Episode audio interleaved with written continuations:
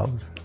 Dobro veče, dobro veče, dragi moji i drage moje. 108. put se družimo u sportskom pozdravu, a večeras imam takvo zadovoljstvo i ova moja energija u glasu, ne zato što je završena Superliga, no više ne moram pričamo o, sad, ovaj, o futbalu domaćem, nego ćemo pričati o nečemu mnogo, mnogo zabavnijim i veselijim, nadamo se, po srpski rod. Ovaj, to je svetsko prvenstvo koje nadolazi, ali prvo i pre svega, Znači, ako, moram, moram da uozbiljimo situaciju ovako, da bi predstavio moje večerašnje goste.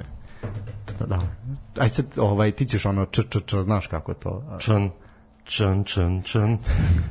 Obično svi zovu autora nekog dela, obično on pokupi sve lovorike, ali kod nas nije tako. Mi smo ovi mali ljudi koji, iz ovih velikih ljudi koji rade ujutru, koji izgrću novce, mi ovde radimo free, ovaj, pro bono, uh, čovek koji je zaslužan za uspeh ovaj našeg autora, našeg dragog Daleta, a i ne samo njegov, nego i mnogi drugih ovaj iz Groa, iz Groa i taj i Saša Ozmo i sve. On ih je sve napravio. On ih je sve prepoznao i napravio. A, naš dragi, dragi, dragi ovaj Strahinja iz Ježa. Strahinja, dobroveče, dobrodošao u sportski pozdrav. A, dobroveče. Da, ja uplašen mi, uplašen je malo. Ovaj mislim da je to i do ovog crnog velikog mikrofona malo mu kaže da mu je neprijatno. Dosta je prijatno, ali ovaj da da nije teško neprijatno nego ali navišiš se, imamo pivo neko ovde Da, malo da. ćeš se opustiti, pa dobro. Okej, okay, okej. Okay. Malo moraš osloboditi svoju muškost i ne treba se plašiš toga, to je sve normalno. Ne, ja sam mislio da mi bude taktika da vas zamišljam vas dvojicu gole ovde kako se. To će ti sigurno pomoći. Ali već sam vas video gole u slačionici, tako da, da ne znam koliko će raditi to, ali da, dobro. Pa i to je dosta prijatno. Videćemo, ali da, hvala ti na najavi. Da. da. E, to je sa moje desne strane. Sa moje leve strane, e, čovek kome moramo se zahvalimo više puta. Prvo što me nije tužio kad sam mu slomio ključnu kost, a drugo je što, što ovaj, svakog utorka e, redovno objavljuje e, našu emisiju na portalu 021.rs gde možete pored toga što možete slušati sportski pozdrav kao da kažemo onako jednu srž tog sajta, ovaj, možete zaista da se informišete i to i svi naši slušalci rade, a o najbitnijim dešavanjima kako u gradu, tako i okolini, periferiji, dobacuju tamo do fotoga Begeča, ovaj, desi se. Do Beške. Do Beške idu. Ne, ne, ne ide do Beške. Do naplatne rampe, ide, ide, ide, do naplatne ide, Nije, nije do Kovilja ide. Ne, ne, veruj mi, znači može. Kod mene u kolima, kod mene u kolima. A to je do tvoje antene. Uvijek je problem u tvoje antene. Znači, uvijek, pa, da, uvijek je, da, da. Naš, ipak je veličina, size does matter. Uh, Zoran Strika. Pro, isteknuti nosadski novinar. Mogu tako reći. A, dobro. Previše, ajde. Ovaj dragi moji, ovaj nešto hvala vam. Da, nešto mi pucketa, malo ste mi blizu ovaj mikrofona, to je malo, malo. Aj se rekao dva prsta. Pa sad zaista čija dva prsta. Pa ja sam rekao tri, ali... Da, a dobro, to ova dvojica ujutro napre neku papazijaniju, pa ovde moram da popravljamo i čito. Uh, eto, zanimljiv sportski pozdrav je pred vama. Uh, nećemo toliko daviti sa ovim našim terenima, ali ćemo svakako proći ovo 19. kolo, pošto je, kao što sam rekao, spuštena zavesa na ovu polusezonu. Uh, Uh, momci su se pripremili, momci su gledali, momci znaju, materiji su, to me jako raduje. Ovaj momci redovno slušaju, tako da eto, ovo je sad akcija kao uh, ugošćavamo naše slušaoce. Ovo nije loše. To to je fora. Da, kad niko drugi neće dođe. Kad niko drugi neće. Ne, ne, velika akcija ono novogodišnje da kovinjela dovedemo. Ovaj to nam. Stvarno. Da, da, ozbiljno. Imamo kontakt, imamo sve samo nikako da ovaj uhvatimo vremena da se time zabavimo, malo i po. Ma ja Sašu mogu da ti sredim a Kovinjalo je mnogo zabavniji. Moj gost je mnogo zabavniji od tvoga. Dobro. Dobro, hvala. Ok. Šalim se, dogovorit ćemo se sve. Koji daj koliko proviziju tražiš. Ne možemo te iz Beograda, znaš, moramo da im platimo gorivo i putarinu. Neće, doći će Sokolom on. Au, vidiš, to nije loše, da kao do sad imamo Sokol, viš kako, bravo, ovo, je, ovo se usvaja. Mislim, zahvaljujući predsedniku našem, ali... Tako je, bravo, bravo. Ove, tako da, eto, uh, možemo, ja bih krenuo ovaj, lagano malo se zagreo, pošto smo mi zagrejali ovde, mi smo već ovde pričali o svemu, ovaj, svačemu, od jehovinih svedoka do... Sanitarnih knjižice. Do sanitarnih knjižice, da, neverovatno. Uh, šta se dešavalo u toku nedelje, ali ajde ono što se prvo desilo danas, a to je naš dragi selektor je održao konferenciju za medije, poslednju u našoj državi, jel, u domovini, pre nego će otići za Katar, a, citirao je veliku umetnicu, ovaj Aleksandar Prijović što je onako posebno ogrejalo naša srca ovde. E, momci kako vi gledate na Pixija, na reprezentaciju, na predstojeće svetsko prvenstvo? Prema što uplivamo ovo naše blato, ajde malo ovako da se razgibamo. Kako vam se čini spisak? Ajmo prvo spisak, je li očekivano? Pa jeste, mislim, nije on Nema to pravio, da, nije uopšte sad nešto bitno drugačije u odnosu na ono što smo imali prilike da, da vidimo, naravno mora tu da, da zapadni igrač Crvene zvezde, jel, da se, da se da, nađe, se ali, da, da. da, ali ovaj, A, to, način mi to kad krenu da pričaju kao, naš, nema nikog iz domaćeg šampionata, pa mislim, ono, vrati, koga zaista da zove iz domaćeg Tako. šampionata? Da, mislim. ovo je prvo valjda svetsko prvenstvo od 1945. godine kako je osnovan fudbalski klub Partizan da naša reprezentacija da učestvuje, a da nema ni jednog igrača iz trenutno da igra u Partizanu. A, ali realno kada pogledate koga biste poveli ni Pa da, mislim, ajde, okej, okay, ima ono iz škole Partizana, okej. Da, okej, nema znaš. trenutno nijedan da je i to, u to, klubu, to, to, da. Ali, ovaj, mislim, generalno to, či, kao i uvek, otprilike pre neko veliko takmičenje stvorila se ta fama i loženje otprilike šta će, šta će biti sa s reprezentacijom na, na mundijalu, mislim, Molio bih te sa rep stacijom. re, repstacijom, Repstacijom, može da. tako da, ovaj, ali nema pojma, mislim, uvek su ta neka velika, velika očekivanja i onda se samo na kraju kao izložimo najmaksimalnije i naravno posle toga krene kao pljuvanje i ostalo da su se ovaj Da li se bojite i teranje, teranje selektora iz E, Saveza to. po pravilu. Da li se bojite da ćemo potrošiti Pixija kao jednu zaista veliku legendu? A, Pa mislim da, da neće, da će bez obzira na rezultat na prvenstvu on ostati selektor ukoliko to bude želeo. I ukoliko, naravno, opet od onoga, zavisi će od onoga šta se dešava u samom savezu. Dakle, ja mislim da je prilično i njegov sam dolazak na mesto selektora bio neka vrsta dogovora oko toga da postoje ljudi u savezu koji se njemu bitno ne mešaju u posao.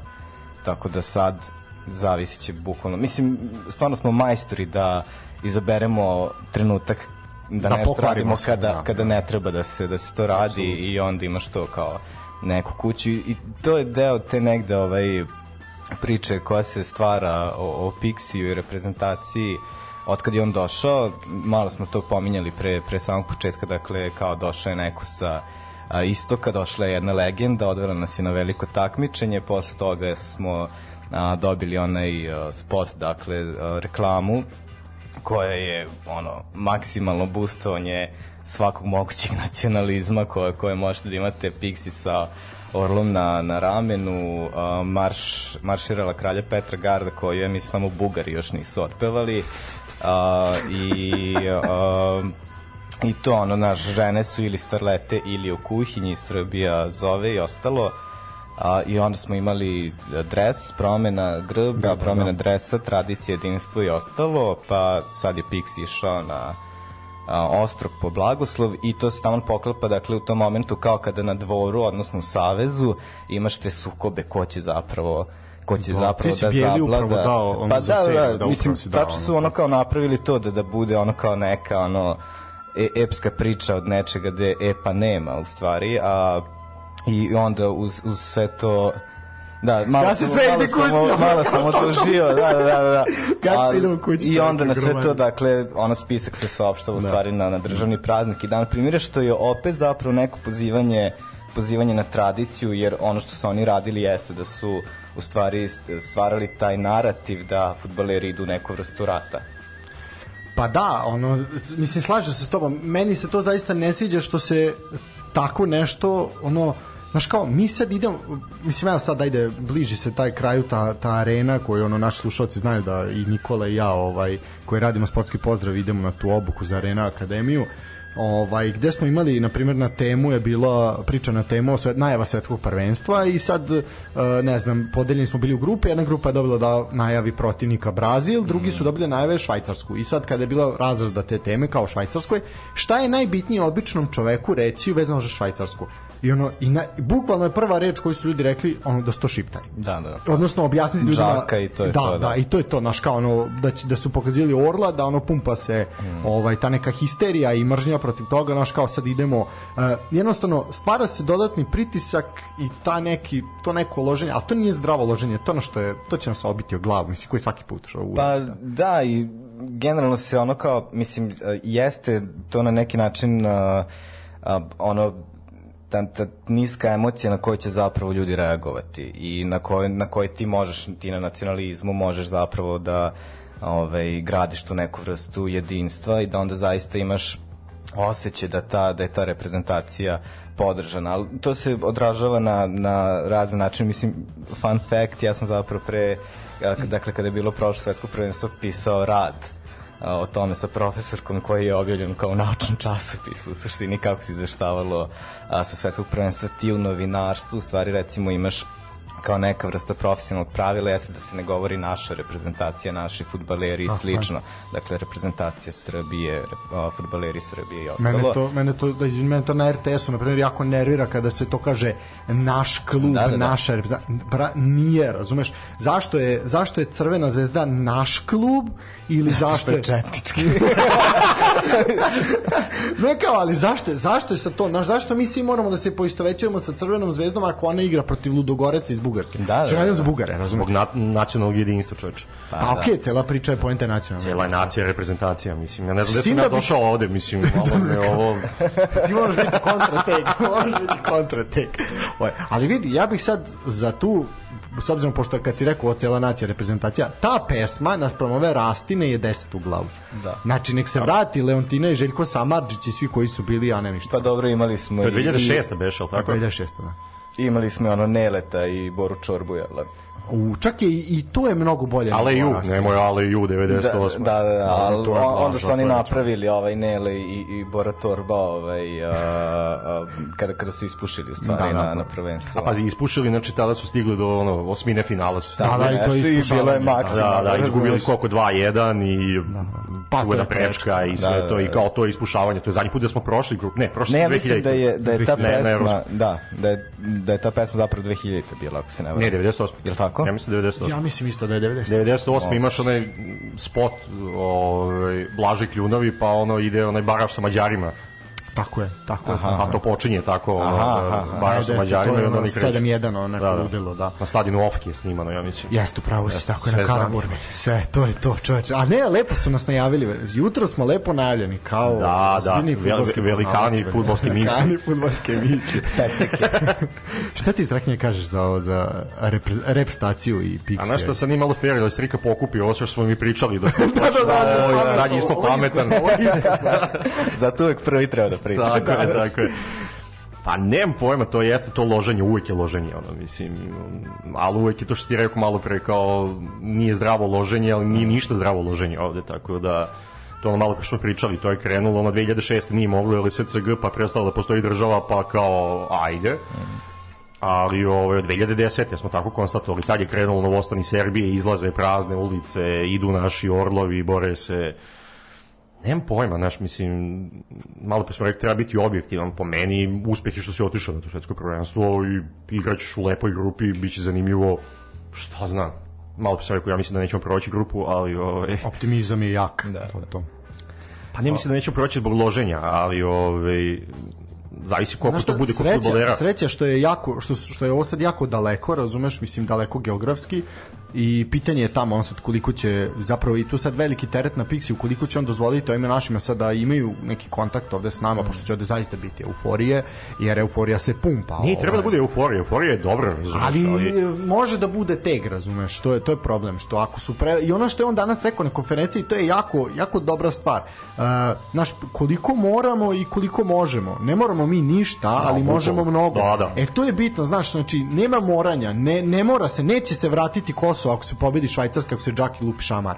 Znači ne to ti- jedan to dan ti biti misliš. srećni. E, ali to je problem, da, da, znaš, što će taj dan će gorivo neće biti 186 Pa, dinara, da. zapravo neće nikog boleti briga što je 186 dinara, nego će, razumeš, ona je, mi smo ali, ali treba zapravo pratiti dok je barem grupna faza, kao to, to sigurno igramo, jel? Da. Šta, će, šta će raditi ova vlast za to vreme? Znaš, kao da li će, da li će pokušavati da, da, da nametne, znaš, mi smo sad kao malo skrećemo sa, sa futbala, ali ovo... A ne skrećemo, to je to sve. Da, da, ali čito recimo sad ova priča sa a, Panterom, razumeš, ti si prvi put, da, prvi put imaš neku priču, neku vest kao koja je okupirala medije i koja je zapravo, barem na trenutke, ono uspela da, da baci naš u senku pazi, vlast. i u Hrvatskoj je vest isto. Da, da, da. Da, da, Osječki, svuda je, na primjer. Ne, ne Osječki, ja, či- ja pratim ono indeks večernji, Dobro, da, jutarnji, ali pratim ne- portale, to se non stop vozi. Ali otišla je, krenula To i Doris Pinčić, što se sad ponovo udala, ali to sad nije ni bitno toliko. Krenuo je sa... Koliko je stariji muž? 13 godina. 13 godina, A, a, viš sve znam. znamo. A ne, ja nju patim, još dok je rogoznica bila. Ej, a znaš šta je najcrnije od svega? Ja sam bio taj dan u Apatinu, u Banji Junaković kad se to dešavalo. Znate kakvo, kakvo ludilo? Jer zapravo šta se desilo? Mi smo radili preglede u Banji Junaković i odjedan put patrolna kola, razumeš, i to dve patrole, full rotacija, što se dešava, razumeš, ono banje onako će ono gde leže penzioneri, razumeš, Došli- se. došli To se- penzioneri. Došli se, neko se pobio, šta se dešava, razumeš, i mi kao ono, izlazi patrola full full, utrčava u banju, razumeš, ja znam šta se dešava, u sklopu banje imate, pored ostalih terapija, ima kao staze zdravlja, i staze zdravlja idu u šumu, idu po tim salašima, razumeš, što sad ono, ideš daleko. tu od vreba zver. A tu vreba zver, tako je.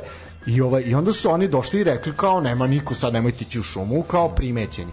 I onda se ispostavilo da ga je, primećenje, da, da ga je jedan od penzusa slikao sa svoje terase, ovaj dok je on tu vršljao. I sad taj deda je bio posle kod nas na pregledu i on tvrdi da mu je panter, pošto je terasa Samo ukopana ček, samo malo- izvini da- da e, to, to, razjasnimo, to, pa. ćeš, to, to ćemo da govoriti, to je ključni moment. ovaj, da mu je panter skočio na terasu, pojeo to što je bilo hrane na terasi. To po- svoje odvojio da ponese. da, da, da. Ovo ne, to je fond plaća, izvini, A, pio dobro, fond to dobro, plaća. dobro. Moj sad, moj ova država ipak brine o svojim starima. Ovaj i on je to po, pojeo i pobegao. I sad i dve bake koje su pored naš soba levo i desno su ga isto videle. Jer su izašle na trasu da zapale, videle su glavatu crnu mačku, ono i bacili i pobegle. I ova je tu uspio da slika telefonom i Murija je došla i ono tu je kružila, ne znam, sve naš sve brinu o nama. Došli su, znaš kako su brinuli, kogod vide od penzionera da krene da šeta, oni priđu, kažu gospodo nemojte molim vas, kao budite tu blizu, nemojte se, ono sad će doći lovci, stvarno su došli lovci na kraju. Ovaj, da, onda smo mi radili pregled, no malo kao, da li pr- pacijentima koji dolaze na oftalmološki, odnosno očni pregled, treba verovati da su nešto videli, to je malo problem, ovaj, ali ajde kao, imaju snimak, imaju dokaz, razumeš, posle su ga ganjali celu noć, vidim i Da, sutra. snimak je dosta onako ko sa fiksnim telefonom da Pa snima. dobro, dekica je snimao, razumeš to što je uvek tako. Pa to je da, ono, Kao ono snimak sa nadzornih kamera, kao ste videli ovog lopova, Da, lopov, boli ga dupe, Da. otprilike, znaš. Tako da, znaš, okej, ali jeste se digla frka, razumeš, ono kao... I treba se digne frka, mislim, sad opet vraćamo na reprezentaciju Da, i treba bude loženje, jebote, razumeš, treba da ono, da ali mi znamo da će to sve otići. Mislim, sad smo pričali, bili, to je ono, ono što malo pregovorili, ono Dežulović, što kaže, ono, koliko mu se gadi to sve, jel znamo, razumeš, da, znači, da. svaki uspeh reprezentacije. Zamisli sad da osvojimo svetsko prvenstvo. Mislim, nemoguće da se desi, ali zamisli da osvojimo. Pa vidi, eto sad, naš malo su tu oprečne informacije, možemo i to, pa ćemo završiti ovaj segment sa, sa reprezentacijom. Uh, ne znam, znaš kao, imaš sad ove neke naše prognozere, mislim naše, po znacima navoda koji su tu bliski našim medijima i sve, pa kao i ono za procenat koliko podrške ima vladajuća stranka, Da, znaš, da, pa ono da. je 80%, razumeš, a mi smo favoriti, ma, favoriti malo sutra. Ovaj, I onda naš imaš ovog Kaku koji je ono jadan, više ne Da, njega su izvukli, da, ono- Izvukli, da, iz nekog, ono mama je zaboravila da A on je, a pazi, kakav je, do- to, to ti je dobar primer. On, on se tu pokazao kao prijatelj srpskog naroda. Tako je, on će dobiti pas. Znaš, ne, ti si izvukao Da, da, da, nekog, će dobiti ti uvek pas. nekog izvučeš, razumeš, neko će nešto da. reći, razumeš, ono, i, ti, i sad to ispada kao da je to, kako da kažem, da je to sasvim sigurna stvar, ili ako je kaka rekao, razumeš. I onda kad uh, sajt koji je specijalizovan za vrednost, za tržište igrača i tako dalje, transfer market, kad kaže da mi ne da nismo favoriti, nego ono, nam je po, bukvalno ima kategorija, ne znam, glavni favoriti, pa kao ono, druga, ono, favoriti i senke. Kažete meni gde su? Hrvati. Uh, pa u isto gde i mi, kao bukvalno piše grupa potrebno im je čudo. To ni da miracle. E, Pa ja, bukvalno ja ne znam to. Ja, mislim. a jedini za nas ovi jadni što će doći bosi peške, razumeš, u Katar otprilike, da. Pa, ali zanima me kaj dok je ono u Hrvatskoj možemo da vidimo, znaš, tu nemamo recimo jezičku barijeru, pa možemo da vidimo isto tu vrstu loženja, zanima me kako je ono u drugim zemljama. Malo u Senegalu gde ima kao- loženja, da. Pa da, znaš, ono super mi bio juče naslov uh, Index HR kao uh, u fazonu uh, Modrić može da, da uradi ono što niko pre njega nije uradio i kao ovaj dobri rekord ja sad kao, znaš šta, mislim, Modrić može da uradi na svetskom prvenstvu i kliknem i kao nikad se nije desilo da dva puta zaredom imaš lika koji je bio najbolji, najbolji igrač turnira kao u fazonu. Pa, da. Ove, I kao, eto, to može da, to može da se dogodi, kao, kao da li ste realni zaista da će se to dogoditi, mislim. Ali do, do, dobri gospodin bi trebao da pomogne tu da bi se to desilo. E, tako je, Da, tako pa vidi, mislim, ono, uh, ne znam, razumeš, ajde, ajde ovaj da, mislim, negde, op, kad, kad god su ta takmičenja i to, tu se zaista ono slažem sa Dežulovićem, znaš kao, u svim drugim sportovima, kao sad to bilo ruko, mislim još uvek traje rukometno prvenstvo za žene, to što su naše završile odmah u prvom krugu, to je sad drugi problem, ali kao tu nemam taj problem, znaš, tu ono ložnice kao ajde cure naš, ono, ili odbojka, basket, šta god sa to bilo, ovaj, ali nekako je taj futbal večito je pun tog nekog naboja, naš lošeg naboja i onda je večito čak i kad krene ovako dobro, sad su još uvijek na granici. Meni su još nisu mi se zgadili do toliko da kažem, aj sad da, zgadiš da, polako da imaš ono 15 to, dana. to je ono malo, ne, 15 dana. malo pre što si ti pitao. Šest dana, da. Malo pre što si pitao bio za, za Pixija, kako će, šta će biti sa njim, da li će Da. ući i izaći iz legende i to. Pa kao Radomir Antić, na primjer, da. Da, ali mislim da Pixiju, da, mislim da ti tu sliku pravo kad kažeš da ne, mislim da nema šanse da ako on, ako on želi da ostane posle ovog svjetskog prvenstva, šta god bilo na svjetskom prvenstvu će ostati i ide mu zicer ove kvalifikacije za evropsko, da mislim da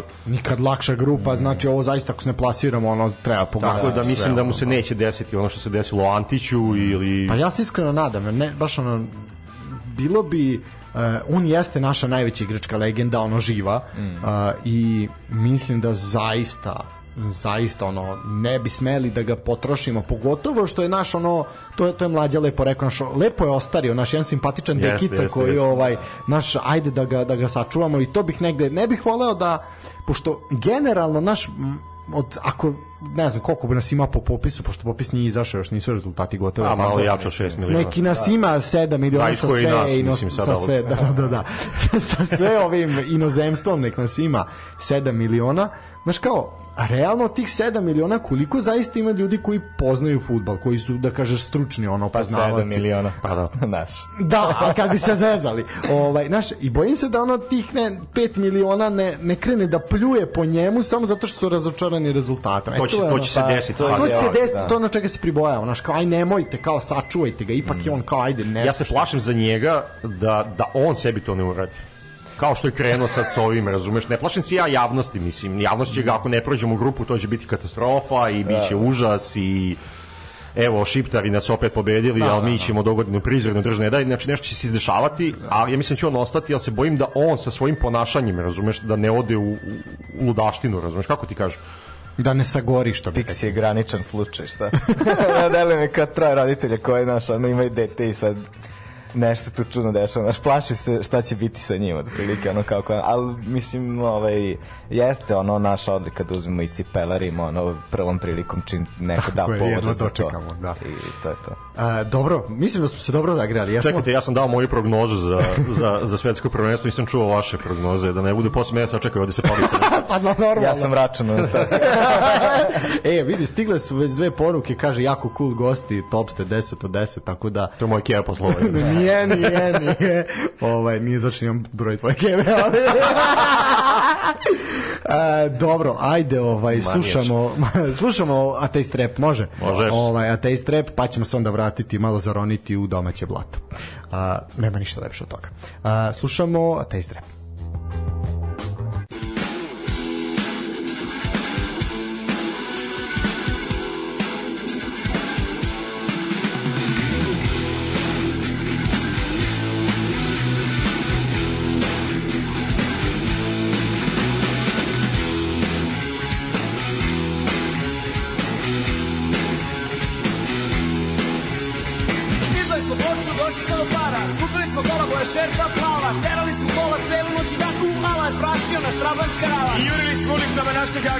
Kao da su one moćna autostrada Ganjala nas kurkala, ne stigla Jer kolica naša prašećinu su digla. Sve su cure danas šizile za nama Neke smo i vozili do Flying Dutchmana To je bilo vreme, to je bila frka Niko danas nama nije sveo da se trka. A curice još pamte, sećaju se sada Na zadnjem sedištu našeg trabanta A sedište zadnje istorija sveta Na njemu je bilo i klinki i Na teta zadnjem sedištu našeg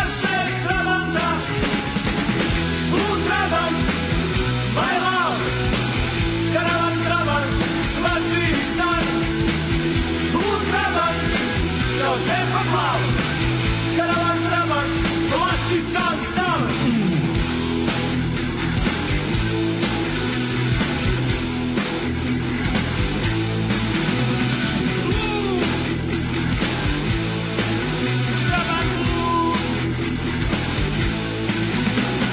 Slikali na stavljak i kalendare. Muzičari ludi u trabantu što duvare. Popularnost Trabanta drastično je Potpuno je pukla. Natrne mnoge, treba da spojiš sve Puna kola muzičara, pipka najviši Limuzina, piči, kilometri šište Curite kaj domac, sve u transom rište Blue Trabant, my love Karavan Trabant, svačiji san.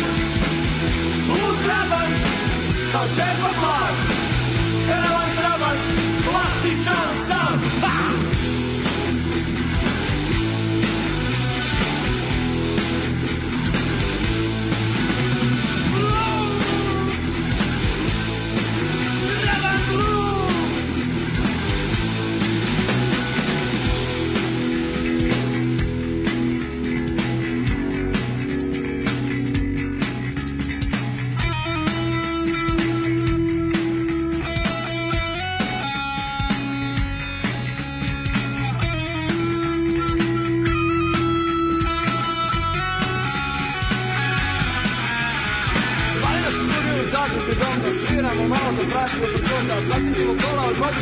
Hataka Skloni smo dvorište pa nekog seljaka Posle dobre sike i još bolje cirke Dođe smo do kola i puko smo od bola Očanog prizora seljaci na svinje Lašega trabanta Pare su svinje! U velikoj žurbi Oko tonske prode Zaboravi smo skroz Na grdabe Da ne pažnja sitna Beše vrlo gadna Izgubi smo našeg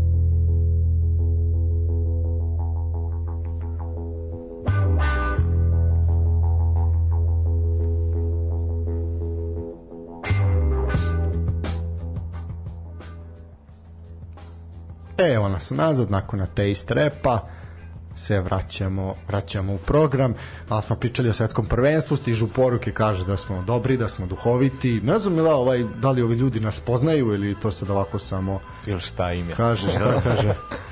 Šta nije u redu sa Ovaj, njima? Da, ovo kaže, evo, možda sam bacio svoju najbolju foru ikada ovo sa brojem telefona. Ovo, eto, vidiš, dobro. Su ti ostale fore? da, to je veliko pitanje. Dobro, kaže, dobro, to je sve u redu. Evo, kaže, Rade Bogdanović iz Novog Sada, to je vjerojatno na tebe se odnosi. ovaj, tako da, dobro. E, stisnuto je rez dugme, ajte brinuti, to se jedan put dešava samo u životu i nikad više, ali ajte. Uh, dobro, uh, ajmo malo malo pričati o domaćem uh, fudbalu, vidim da to vidim spremio si mi se, znači vidim da rezultate, flash score pratio. otvoreni, Da, da. flash score otvoreni. Strika je otvorio flash score. Tablica, ona stoji. Znaš kad dođe Novak, kad dođe Novak ovaj tu kad da, da vam pomogne, on izvadi svesku, on je sve uredno zapisivao. Ja kao, co mi daj, znaš ono koliko ima udarac, on je sve tu uredno zapisao sveščicu, znači to je prelepo. E, dobro, e, odigrao se kup, imali smo e, opet tu e, novosadski derbi, e sad ajde, kao ti kao predstavnik 21, ti kao stari novosađan, a, da li je vama Vojvo, mene, mene malo to, malo onako, uh, imam taj neki ik osjećaj kad mi kažu novosadski derbi, da li je Vojvodina mladost zaista novosadski derbi? Pa okej, ono što se smatra novosadskim derbijem je u stvari Vojvodina Novi Sad kad igraju. Nije Hvala. to, da.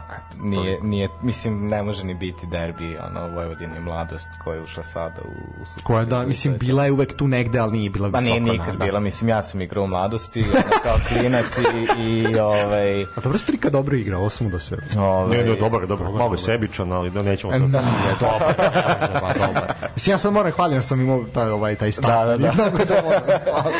Polomio mu je ključnu kost. Da. O, nije ni, mislim, ono, zaista m- mladost je bila ono livatski klub. Mislim, mi nikad nismo brinuli za, za rezultat ili bilo šta. Tako da ovaj sad uleteo investitor. Da. Sad šta će biti, pošto je investitor priveden u Crnoj Gori. Da, malo, Ove, malo ne problem. znam, da, ne znam šta će se desiti sa tim, ali mislim nisu Vojvodina mladost, ono, nije to novosadski derbi. A ne bih rekao, ono, mislim, i sad imamo ovu čitavu priču sa Novim Sadom zapravo, kao, Da. Kako su ušli u prvu ligu Srbije, što mi je podjednako klošarski stvari. Uništili Ove, proletar, da. Pa da, ali ima sad Vagita, osnovan je kao novi proletar. Pa da.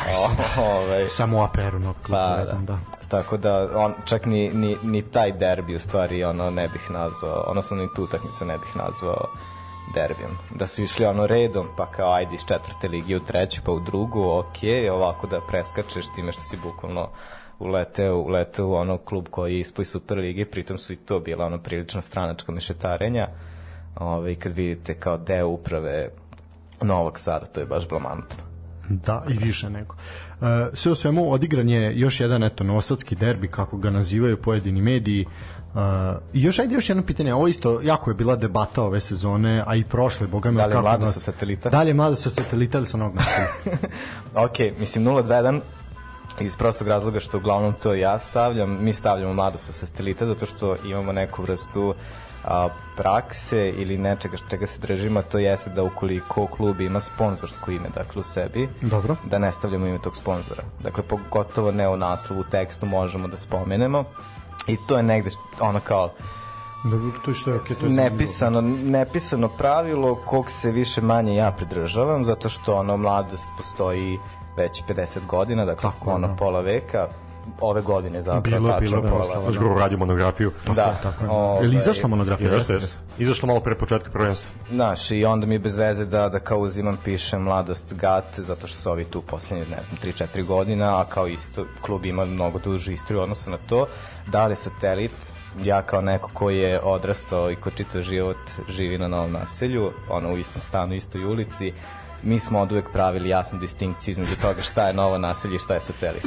Znači, onda je mlado sa Satelita. sa satelita. Da. Da, ja, meni, Ali, ali ono što se desilo u poslednjih nekoliko godina i kao potpuno je opravdano ukoliko neko kaže mlado se novog naselja jeste da a, se zapravo kao ono što je trend svuda u svetu, dakle, ono, spajaju se gradovi, dobijamo megapolise i ostalo, da, tako da, se da. spojili negde i novo naselje i satelit, pa se sve to kao uzima neko novo naselje. Mislim, ovo je jako je izazvalo, ono, bilo je toliko žučnih rasprava, što ovde u emisiji, što van, ono, bukvalno do, do svađa, da sam ja onda otvorio, e sad ok, sad ću da ono otvorim plan i da vidim šta pripada čemu.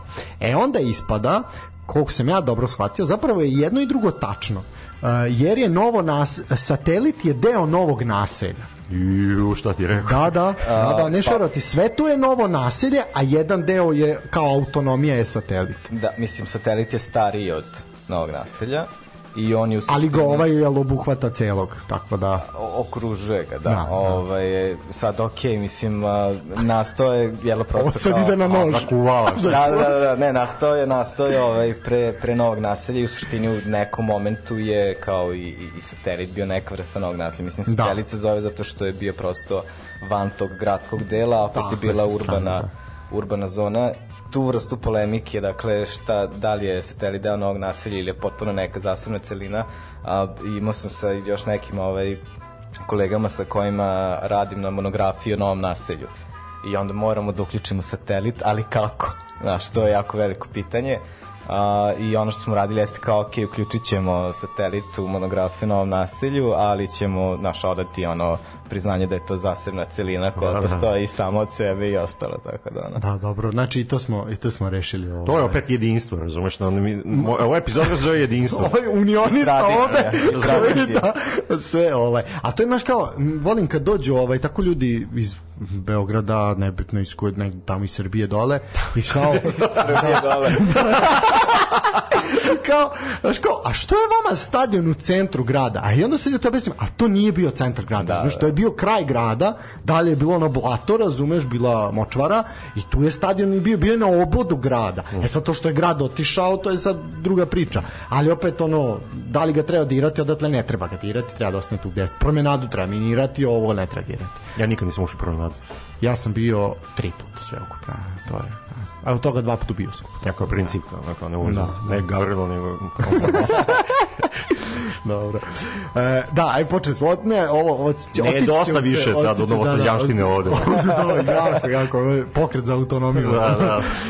Za svu autonomiju Da, satelita. Vojvodina Vojvođanima. Nismo mi lepili ove na, na billboardu o Baji malom kninči, tako da nemojte misliti. Kao, okej, šta mislite o tome? Da sam prebacio. Ovaj, to ćemo da Daj bre, dođemo. kup utakmica. Da, kup utakmica, u suštini Vojvodina mladost. Dvojicu ovde. E, pa nešto, mladost se malo popravila, pošto gle čuda, vratili su trenera koji je osvojio titulu u prvoj ligi, koji je trebao da nastavi da radi, a ne to da glume ludila i čovjek je stvarno podigao tu ekipu nakon što su ono imali rekordan ono broj dovedenih igrača u prelaznom roku. Malo ćemo gledati napravimo retrospektivu za svaki klub. Uh, mladost je prvo izbacila Voždovac iz kupa, što je bilo poprilično iznenađenje. Uh, mladost je dobro igrala u prethodnim kolima, bila nezgodna za sve. Uh, vodila je sad protiv Vojvodine u kupu i do 86. minuta je delovalo ok, nakon Voždovca sad će izbaciti Vojvodinu, svaka čast. Međutim, malo tu ipak Vojvodina onako pokazala iskustvo i kvalitet i opet golima Čumića i Nikolića ovaj se prošlo dalje u 86. i 89. minutu ponovo Vojvodina u samom kraju, ono sam završetku utakmice postiže pogodak, tako je bilo u prethodnih par kola ovaj situacija. A, eto, 5 minuta je delo mladost od prolaska dalje Vojvodina, naš Krg je bez ideje, bez trpljenja, uglavnom bez ideje na Vojvodina u prethodnih par kola i sada je to ono čemu smo i mi ovde svi pričali, e, deluje da je loše urađen prelazni rok, potrošilo se jako puno para, doveli su se igrači na nekim pozicijama koje nisu toliko e, šta je problem Vojvodine? Kada e, su oni u tom podređenom položaju kada oni čekaju pa onda tu Čumić i ovi istrče kontru to je onda super Simić Čumić kad povuku. Ali kad treba oni nešto da organizuju oni nemaju čovjeka kako organizuju Mirko Topić nema kvalitet za to to je jasno. On ima ni, ni prošle godine, mislim. pa logično ovaj nije nije napredovao tako da zaista i pritom eto taj znači kažem jednosmeran način kako funkcioniše u napadu pritom već sad malo i humor sad ova zadnje kola već svi dišu na škrge što opet samo pokazuje da nam je liga prevelika mm. ovaj da je previše utakmica Tako da Vojvodina se izvukla, Vojvodina se izvlači, izvukla se protiv grafičara, izvukla se ono konstantno i vama na penale pre toga, znači boga mi, boga mi, nezgodno, ali dobro, ako je nekome došla pauza u pravom momentu, to je onda, to je onda svakako za Vojvodinu. Uh, šta reći, Uh, ništa, četvrt finale, idemo dalje ćemo vidjeti protiv koga. Uh, mladost zaista što se tiče ovog izdanja u kupu sasvim sasvim lepo. E, drugi meč u kupu koji bih ja istaknuo kome ću malo onako više par rečenica izdvojiti da neću samo pročitati rezultate je Novi Pazar i Kolubara, to su duel dva superligaša, e, Novi Pazar eto sa novim trenerom, odnosno sada dvojac trenera koji ga predvode Damir Čakar i Izet pošto Damir Čakar nema licencu, onda je ne može da sedi kao samostalan trener, nego je Izet tu kao čovek koji se vodi kao šef stručnog štaba. Nema šta, bili su bolji, direktniji, konkretniji. Kolubara je tim koji je onako jedno od većih razočarenja, jer su krenuli dobro, dobro su se pojačali, nama su simpatični, imaju taj neki eksiju moment, dovođenje igrača iz ovih lokalnih naših država i bivših zajedničkih, a i budućih. Ovaj tako da tu su bili simpatični, lepo su krenuli da igraju, međutim i oni su ono krenuli da klize i smenili su trenera i poprilično to loše izgleda, tako da je pauza isto njima dobro došla. Novi Pazar može se reći prijatno prijatno iznenađenje s tim da a, Kolubara jeste tu bila negde bez oslabljena bez Nikulića, bez Vukušića, bez Filipovića, ali sve u svemu Pazar, Pazar ipak mnogo mnogo kvalitetniji. Nenad Gavrić je a, obeležio ovaj meč, posvetio je pogoda koji je postigao svom m, ocu, tako da je to onako bio jedan lep momenat. Što se tiče ostalih rezultata, radnički snog Beograda je ipak izgubio, nisu uspeli da iznenade radnike Surdulice, Simo Krunić je malo zahuktao taj jug Srbije, krenulo je to da liči na nešto, 2-1, Vojvođanski derbi sam rekao, radnički Niš IMT 3-0, TSC Železničar 2-0, Metalac Čuka, Spartak Napredak i radnički Sremska Mitrovica Crvena zvezda su mečevi koji su odloženi, koje će se igrati na proleće. Kako vama ovaj izgleda kup takmičenja, ovaj pošto mi smo tu pričali, nama delo je dosta degradirano, a eto, može se desi se poneko iznenađenje, na primjer, imali smo to ispadanje voždovci, imali smo u Svinjariju Partizana, sad možda i Crvena zvezda prođe isto na u Mitrovici. Sad zamislimo izbace zvezdu Partizana, onda ispadnu naš ono od pazara ili tako nešto. Što gledaš u mene? Da, da, to je- zato što ti objavljuješ tekstove, razumeš, ti, ti moraš znati o čemu pričamo. Možeš i ti? Pa nisam ispratio ništa od ovih utakmica sa što si ti što si što si rekao. Al dobro u moju odbranu imao sam da, sajam ja, knjige, da, imao da. sam Dobro, obranu. ne, ovo je samo kratko. Ne, ali ne, da, meni, da. mislim, kup, kupi super takmičenje, meni kupi Ali kod nas je zapostavljeno iz nekog Da, razloga. jest. Da. Mislim, ovo njihovo odlaganje igranja, mislim, ovi su odlagali bili i drugi utakmice, ono, ali bespotrebno, ali kupio je kupio dobro, mislim dešavalo se i ranije bilo je, kad je ono, mislim, ja prvo što se sećam, ono što mi sad padne na pamet da je najdalje od ovog trenutka, to je, mislim, 2005 Partizan protiv Timoka. Timoka, da. da, to je bio, Ispadanje, on, da. ta Timok je bio tipa treća liga, to je Tako bilo to nešto, da. senzacija, kao A bilo je tih ispadanja, znaš, ono, Sevojno izbacivalo zvezde. Cevojno, tako, da, je, bilo je- bili su ovi Banatski dvor, tako oni su bili šampioni kupova, Čelarevo je dosta negde stizalo bilo, Pa da, da, sećam onako vrti mi se u glavi. tako, Da, Da, da, da, da. pre dve, tri sezone Rumenka izbacila Semon. Zemon, ovaj, jedinstvo iz Rumenka. Pa je, pa Vojvodina se prošle ili pretprošle godine patila u Rumenci nešto jedva Da, iz pa to je bilo pre dve sezone, da, Pa pa da. da. da su igrali u, sme, u sminu finala, ako se ne varam. Pa da, baš Da, onako da. je bilo neko ludo. Meni u stvari ne znam te do kog ranga idete njihove predkvalifikacije ili kako god to A reći. predkvalifikacije ti zapravo idu, znači počinju godinu ranije i ono idu, ono kreće od najnižeg, razumeš, ono od Aha. betona. Pa sad ono koji izgura da bude taj neki savezni, pa sad onda ide. Savezni. Pa to ima kup Vojvodine ko osvoji, pa onda Pa ide da, kvalifikacije i ostalo. Da, da. Mislim, ono, meni kup postao da mi deluje ono više ne kao Popuna. sa, sa ciljem da uzimanje duple krune ili bilo čega, nego više kao neka vrsta utešne nagrade. Ali evo, pa A ne, ali ove godine idu u play-off, jel tako? Evo, Da, da, to je da, da. da, da. Znači, ove godine je ta istorijska sezona gde imamo pet ekipa u da, Evropi, da. od toga a, treće plasirana ovaj će ići po ono treće plasirana ima ligu konferencije mislim što je pa, konačno da dobijemo taj treći klub u Evropi mislim tako da, Da, je da, to jako zanimljivo. A sam tim pošto je to Partizan ispao ali negde ja priželjkujem da ispadne i Zvezda, ne zato što ne navijam za njih, ovaj, nego zato što bih voleo zaista da neko drugi uzme taj trofej da dobije tu Evropu, razumeš, da ono kad konačno neko neki izađe, ono samo nek bude neko drugi osim ovih. Pa nek bude i Vojvodina, nema veze. Pa znaš šta, sad možemo se mi sprdati, ali Vojvodina zaslužuje da igra tu Evropu i konačno da dođe do te grupne faze, daj ono, mislim, zaista je vreme i videli smo da se ta neka euforija, ali ajde, pričat ćemo posle o Vojvodini, malo ćemo tu napriti suma sumarum, uh, potrebno je, potrebno je, Novi Sad zaslužuje da ima evropskog predstavnika i tu nema, nema priče svakako. Uh, druga vest koja nas je onako obradovala posebno, a to je Milan Bojović i 100 pogodaka, 100 golova u Superligi Srbije, najbolji strelac svih vremena od osamostaljenja. Pazi, ovo svih vremena, ali od osamostaljenja. Tako je, tako je napisano bilo u jednom tekstu, kriminalno. Uh, šta reći o njemu? Momak, uh, rođeni Lučanac, uh, eto u, svojim, u svom dresu svog kluba, jel, iz Lučana je postigao taj stoti pogodak.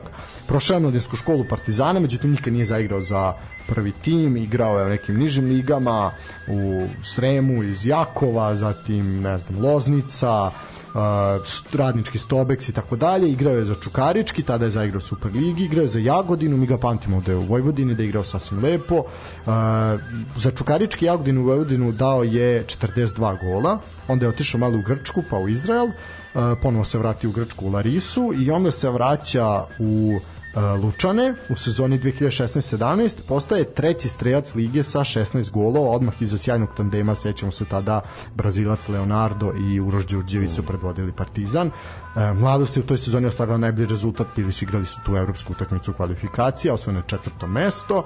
2017-18 Bojović je u Kazahstanu da bi se vratio ponovo u mladost i onda je igrao kratko u radničkom iz Niša a onda se opet opet vratio ovaj u Lučane 2019. godine i tamo tu evo i sad. I stvarno je kada pogledate da to nisu veliki klubovi znači ni to nisu Zvezda Partizan to nije ajde okej mislim najveći klub realno da je Vojvodina ajde malo izuzmemo taj Čukarički s obzirom da ajde i Jagodina uzela taj trofej.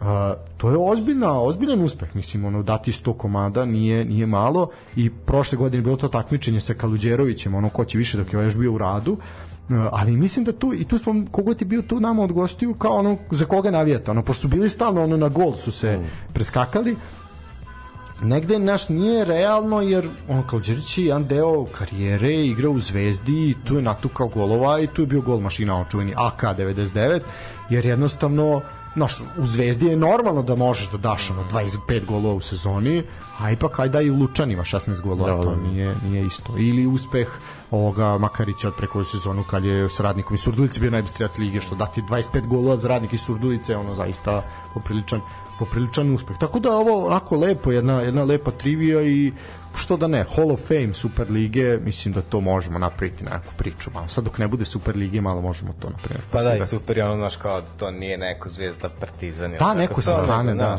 Da, ono, da. radnik, brate, ono. Pa da, imaš kao nekog ono kao Mladost, stvari, da. da. pa dobro da, u slučaju mladost. A, kao imaš nekog ko je to svima je simpatičan, svima je nešto lepo da kažu u njemu, znaš, kao niko niko nema šta ružno da kaže, jel nema te navijačke obojenosti da sad kažeš aj sad, sad ne volim Da, da, sam da. zato što je jel ovakav ili onakav. Uh, možemo dalje, ajmo dalje, sad to da listamo, nema tu šta, strašnije. Čestitali smo, Čestitali mislim. smo, Da, da. Uh, desile su se i ove zostale utakmice sedmog kola, ta bila su ta odlaganja koja su zaista onako bila meni jako bez veze i mislim da nije bilo potrebe za njima, na kraju se to ispostavilo da ovi jedni nisu ni izborili to proleće u Evropi, ovi drugi su onako imali malo, malo i sreće.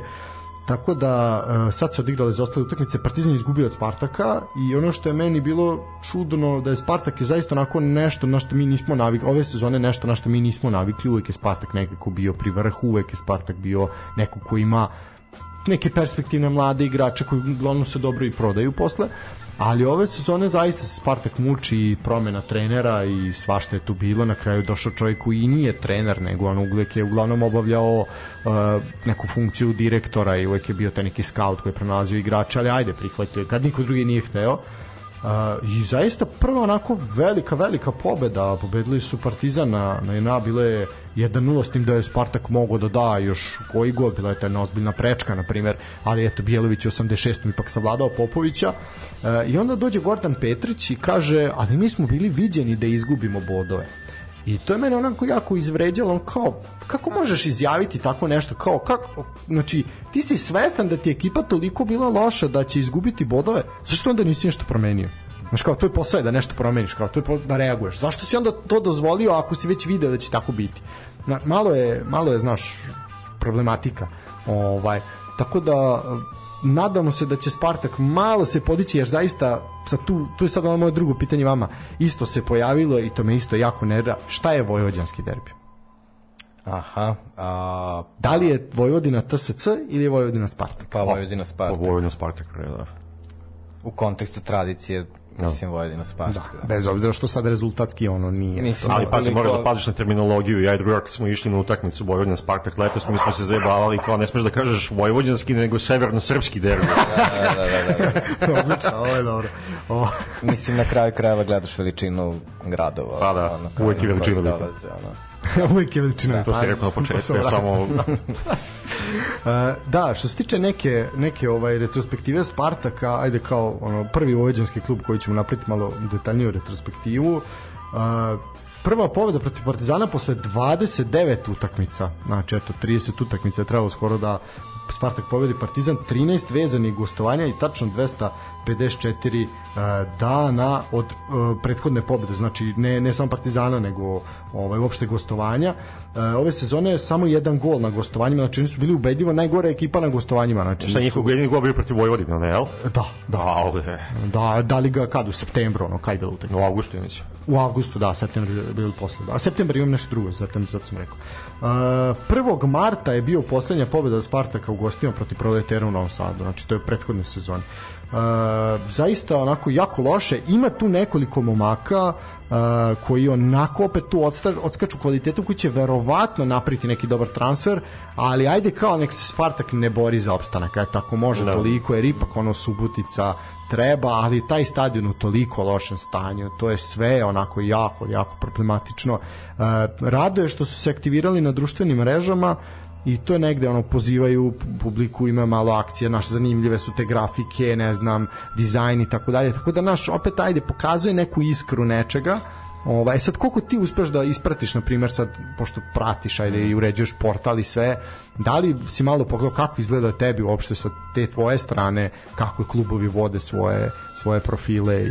Da, pa sad sam baš teo da se nadovežem u stvari na tebe kao ti naš govoriš za ono superligaški klub da kao eto lepo je da se malo pokrenuli da su nešto organizovali se na, na društvenim mrežama što je naš ono mislim kao superliga, superligaški klub stvarno ne bi trebalo da, da ih ističemo zbog toga. Mislim oni bi morali da imaju prilično razvijen taj marketinški deo. Dakle ono promocije na, na, na društvenim mrežama. Men, da, i okej to ono kao koliko toliko naš nešto a, nešto i pohvatam mislim okej imao si ono a, Javor a, na, na Twitteru recimo, Pa još uvek, je, da, Javor, Javor Voždovac, Znaš, te- da, to, to je te neke stvari jako, da. kao koje prosto ono na jedan drugačiji način privlače, privlače pažnju publike nećeš dobiti možda navijače baš zbog toga, ali opet kao naš neko će pratiti ono šta se, šta se dešava i šta se radi ono što ja a, volim i to recimo jako cenim kada vidim da niže ligaški klubovi zapravo ulažu dosta a, dosta, dosta negde kao je truda a, u, u svoj nastup na društvenim mrežama. I to, ono, recimo, jedinstvo iz Rumenke pre koju sezonu stvarno tu radilo neverovatno mnogo. Dok je ovaj Vladimir Šponja bio bio trener, oni su se baš kao trudili da da imaju da imaju taj neki pristup sada to recimo radi uh, Fruškogorac uh, mislim ok, ajde možemo možemo razgovarati o ideološkoj pozadini kao čitave, čitave da. te A priče i portale koji ga prati, da. A, apsolutno, da. Ovaj Na se uživo sada, mislim da, jasno, da, da. da. Ovaj, ali, znaš kao, recimo, to je drago zato što na neki način oni to rade i sa nekom ono dozom kao pa znate naonika nevinosti i tog uh, romantičnog amaterizma znaš da, da, da kao i, i, ili imaš ono situaciju kao znaš prilično je jasno recimo da je ono neka Facebook stranica zvanična stranica kluba zato što prosto kao šta objavljuju vidiš da je da je to ono neko ko sedi tamo da li upravi da li neki ono a, lik kom su dali da se time bavi, ali kao to je to, znaš, ono, zna, i onda kada dođe ispljivi, ono, sudio maksimalno, razumeš, kao užasno, napustili smo ovo, ono, i onda se ti nalazi, znaš, ono, kao u, u dilemi, kao, ok, da li ovo prenositi kao zvaničan stav kluba, zato što, ono, može da se javi u roku 10 minuta i kaže, ma kao, brate, to neki, ono, fan, fan Fruškogorca vodi od prilike, mislim, lupetam, ali, ovaj, mislim da naši klubovi generalno ono o Superligi ukoliko govorimo mislim zaostaju. Jako, da. za svim tim stvarima i kako bi to moglo da se radi i, i kako bi trebalo da se radi, a sa druge strane imaš te neke primjere ono tih iz, iz nižih liga, ja sam barem pratio ovo što je što je sada Novosadska liga i druga Novosadska liga, odnosno a, kako se zvalo to pre a, Liga Novi Sad ili tako Pa, ne? da, bila je liga, Da. pa Savez, ta gradska kao. Da, gradska liga, stvari, tako se baš izvala.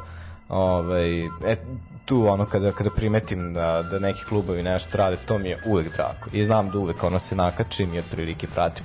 Mislim, ja sam jedno vreme a, dve ili tri sezone pratio a, baš pomno i, kao izveštavao o, o Novosadskoj ligi i Gradskoj ligi. Dakle, to je peti, šesti rang a, domaćeg futbola i zapravo na, kako sam ja izveštao o tome mi apsolutno nikakve informacije nismo dobijali a, iz a, Gradskog saveza. Znači ništa, ništa nismo mogli da dobijemo. Oni su objavljivali recimo nedeljom uveče samo rezultate nema liste strelaca, nema ničega ali sam išao i nalazio sve te stranice kao tih klubova ili vidiš da ono neki lik prati? Znaš, postoji grupa i neki lik ima ono, brate, prate, razumeš, beleži ti koji minut, ko su strelci, sve živo i dati neki izveštaj, pa onda još snime neki video i šta ti ja znam, znaš, ono kao majstor, no, da se snimi majstoriju nekog lika, ono kao, I onda smo, recimo, tako sam ja uh, radio i prikupljao i recimo onda sam tu namerno išao sa tim pristupom ono da da imaš ta neka opšta mesta na kao kako drugačije o, o Ne može, niželigaškom fudbalu nego baš ono taj da bude onako malo da Mora biti stereotipno oštro, opšte. Pa, mesto, da, da, da. I onda, znaš, zato što pro, poprima drugačiji prosto karakter. Znaš, ono kao ukoliko ti nekom iz ono 5. 6. lige kažeš majstorija ili bio je ovaj jedne sezone o, Veselinović iz, iz Rumenke i Kitić iz a, veternika su ono kidali nešto, baš su dali golove, razumeš, i onda sam to kao pratio i recimo ono njih konstantno ističe zato što ovaj dođe dati ono 5-6 komada na A utakmicu. Lazar Veselinović. A, moguće, da, nisam Da, siguran. Lazar Veselinović je ozbiljno igrao je uh, u Hajduku iz Kule, a posle bio iz Kovida, je Sad igra i da. dalje, sad ne da, znam, ovaj. bio je bio čak jedno vreme u Vojvodini, pa Vojvodina u tim momentima nije imala da ga, da ga plati pa ga je pustila polusezonu tipa na Tajland ili tako nešto da bi on uzeo neke novce pa se onda vratio opet polusezonu da odigra u Vojvodini tako da to je to je čuveni čuveni fudbaler. Ovaj ta, ne, vidi, negde moja ideja je bila nakon kad smo sve ovo pokrenuli, ovu priču ovog podcasta i svega, kada bi jednog dana prešli na taj neki video format, bilo je da upravo to animiramo ljude da nam šalju ovaj tako neke te klipove i nešto sa tih nekih lokalnih liga, tu zaista bude ono što ti kažeš majstorija i bravura, ali bude i nekih abnormalnih stvari koje ono zaista ne možeš da pojmiš da se dešava u univerzumu. Tako da to jeste negde čar i na primjer ja kao neko ko ide na utakmice svog lokalnog duše rukometnog kluba, znaš ono kao meni je drago kad vidim da se moje selo podiglo i da sad oni znaju da će oni nedeljom uveče u 8 sati doći u halu da bodre svoje rukometaše plus ono tu su lokalni momci naš koji tu znaš sve to ima neku svoju draži neku, neku lepotu i negde znaš ono bude ti puno srce jer zaista znaš kao ono što je bilo u socijalizmu jel kao sport je zaista jako bitan jer ovaj on na, na trenutak ti na tih dva sata zaboraviš malo na sve i ono malo ti je fokus to da li ćemo pobediti nećemo pobediti i to nam je bitnije i lakše ćemo ono otići sutra na posao u ponedeljak. Ono a ne sad Da, mislim, ali pogotovo, znaš, kao, mislim, to je ono prilično velika žal što ti imaš kao, ok, ono, svako naselje ili, ili svaki kraj ili svako prigradsko naselje, sve, no, nebitno, znaš, kao, ima taj neki svoj lokalni klub i bilo bi jako dobro kada bi ti imao tu situaciju da zapravo se kao zajednica, ali baš to na nekom ono mikro nivou, mikrolokalnom nivou zapravo okuplja oko tog kluba i sad naravno ono što je problem jeste kada opet se poturaju neke ideje koje, ok, nama trojici možda ne, ne, ne odgovaraju, mislim, kako pominjemo Fruškogorac, ti tamo na njihovom zidu imaš ono mural Ratka Mladića ili tako neke gluposti. Mislim, znaš, ono kao, neću, Pa vidi, neću voditi da. dete, znaš, ono tebe da prati, vodit ću ga da ne znam, ono Pa, prati znaš nešto kako, reći. mene, mene isto zaboleo sam, možemo pričati, evo, uh, znaš, ono, kao u futogu, kad vidim, naš, razapne se zastava, ono, uh, ne znam, čuvari srpstva, Mm. ono, sa zastava Republike Srpska krajina, ono, kao, brate, čemu to, razumeš, ono, Da, da. zašto? Firmaši su imali jedan jako kratak period uh, pre nekoliko sezona u kom recimo uh, nisu imali te neke ono kao ono nacionalističke parole ili zastave ili ostalo, nego su recimo imali, mislim i dalje oni ističu te zastave, ali su um, ono samo negde propratni materijal. Uh, jedno vreme, opet kažem kratak period, su recimo a, isticali zastave, ono Svetozar Miletić i tako te neke stvari. Znaš, Da, što je je dobro, cool, ono, da, da, kao da. Miletić udara beogradskog pobednika, onaj, da, da, to, je, to je bilo... To je fora, da, ono, i kao- treba će da, vam da, pasoš, da, da, ono, da. da, da, to skandiraju. Pozvaćemo, Da, da. pozivno pismo je to. Da, da. Da, i kao to ti onda, naš, o, okej, otprilike, ono, kao u redu, naš. Ali, Da, ali evo ti sad, doćemo vratno do te utakmice, ali evo ti sad ovo protiv, protiv radničkog iz Mhm. Kragujevca, opet je bilo ono novosađeni, sa leve strane e, sa leve strane ono Kosovo, ono valjda, Da, nema da. predaje, drža Da, da, je da. šta li već, a sa desne Republika Srpska, ono kao, Pa, kao grbo. Da, i onda i ono i slika Karađorđa, ono koja je meni neshvatljiva, razumeš, ono, ali ajde kao. Mm. Uh, da, jebi ga, da, da, da, da, opet vraćamo se na, ali tu, tu, tu imam temu kojom ćemo poentirati, ali svak, nekako se to zaista provlači kroz, kroz ceo, celo ovu nedelju šta se sve dešalo. Uh, Čukarički Crvena zvezda, ovde nema šta puno da kažem, pobeda Crvene zvezde na uh, Banovom brdu za plus 10 u odnosu na Partizan, ogroman korak zaista ka tituli, kod nas je plus 10 poprilično nedostižno. Čukarički isto u padu forme ozbiljnom od mašine koja je zaista mlela u uvodnim kolima, onako rutinirali su sve, sada baš ne mogu da se sastave, nisu imali čak nekih ni stvorenih situacija da se kaže su bili opasni po gol, nisu. A, zanimljivo je da je Zvezda igrala kao Barsa 2009. bez špica, ovaj, pošto je Pešić izašao iz, po, a, iz igre zbog povrede, Kataj i Kangva su bili strelci, a, Kataju prija hladnije vreme, to smo već ovaj pričali pošto mu je bilo teško da nadiše ovaj kao i Nathu, što je negde i normalno. Zato što je Ukrajinac čovjek. E, pa to je zato što su godine, znaš, malo je to problem. Mi bolje igramo, skonto kako mi bolje igramo utorkom kad je sad zima nego kad je nego Dobro, mi smo generalno bolji kondiciji i to sve tako da, da. da, mi ulazimo, mi smo podigli formu. Podigli Da, sad- smo formu, ja sam podigao formu. tempiramo za svetsko prvenstvo, da. Ali idući godine. ovaj, ali za para ovo, da, da. Ali nema, pazi, veći nam je teren sad na kom igramo. Tako je, to je bitno za me, pa to ljudi, to ljudi zaboravljaju. Mislim, ja izdržam ceo termin. Pa dobro, kontinuitet. To je to, jeste kontinuitet igranja. To je to, naš No, nećemo više o, o, da, da. o našim E, kvalitetima. E sad, e, Mohamed Badamosi je bio zaista onako otkrovenje početkom sezone kada je došao u Čukarički. E, stameni napadač koji je došao iz belgijskog prvenstva zaista onako razgrtao tu sve redom, nisu mogli da ga zaustave. E, malo je zatajio, ali kažem kompletna ovaj, ekipa Čukaričkog je malo sa tu stala.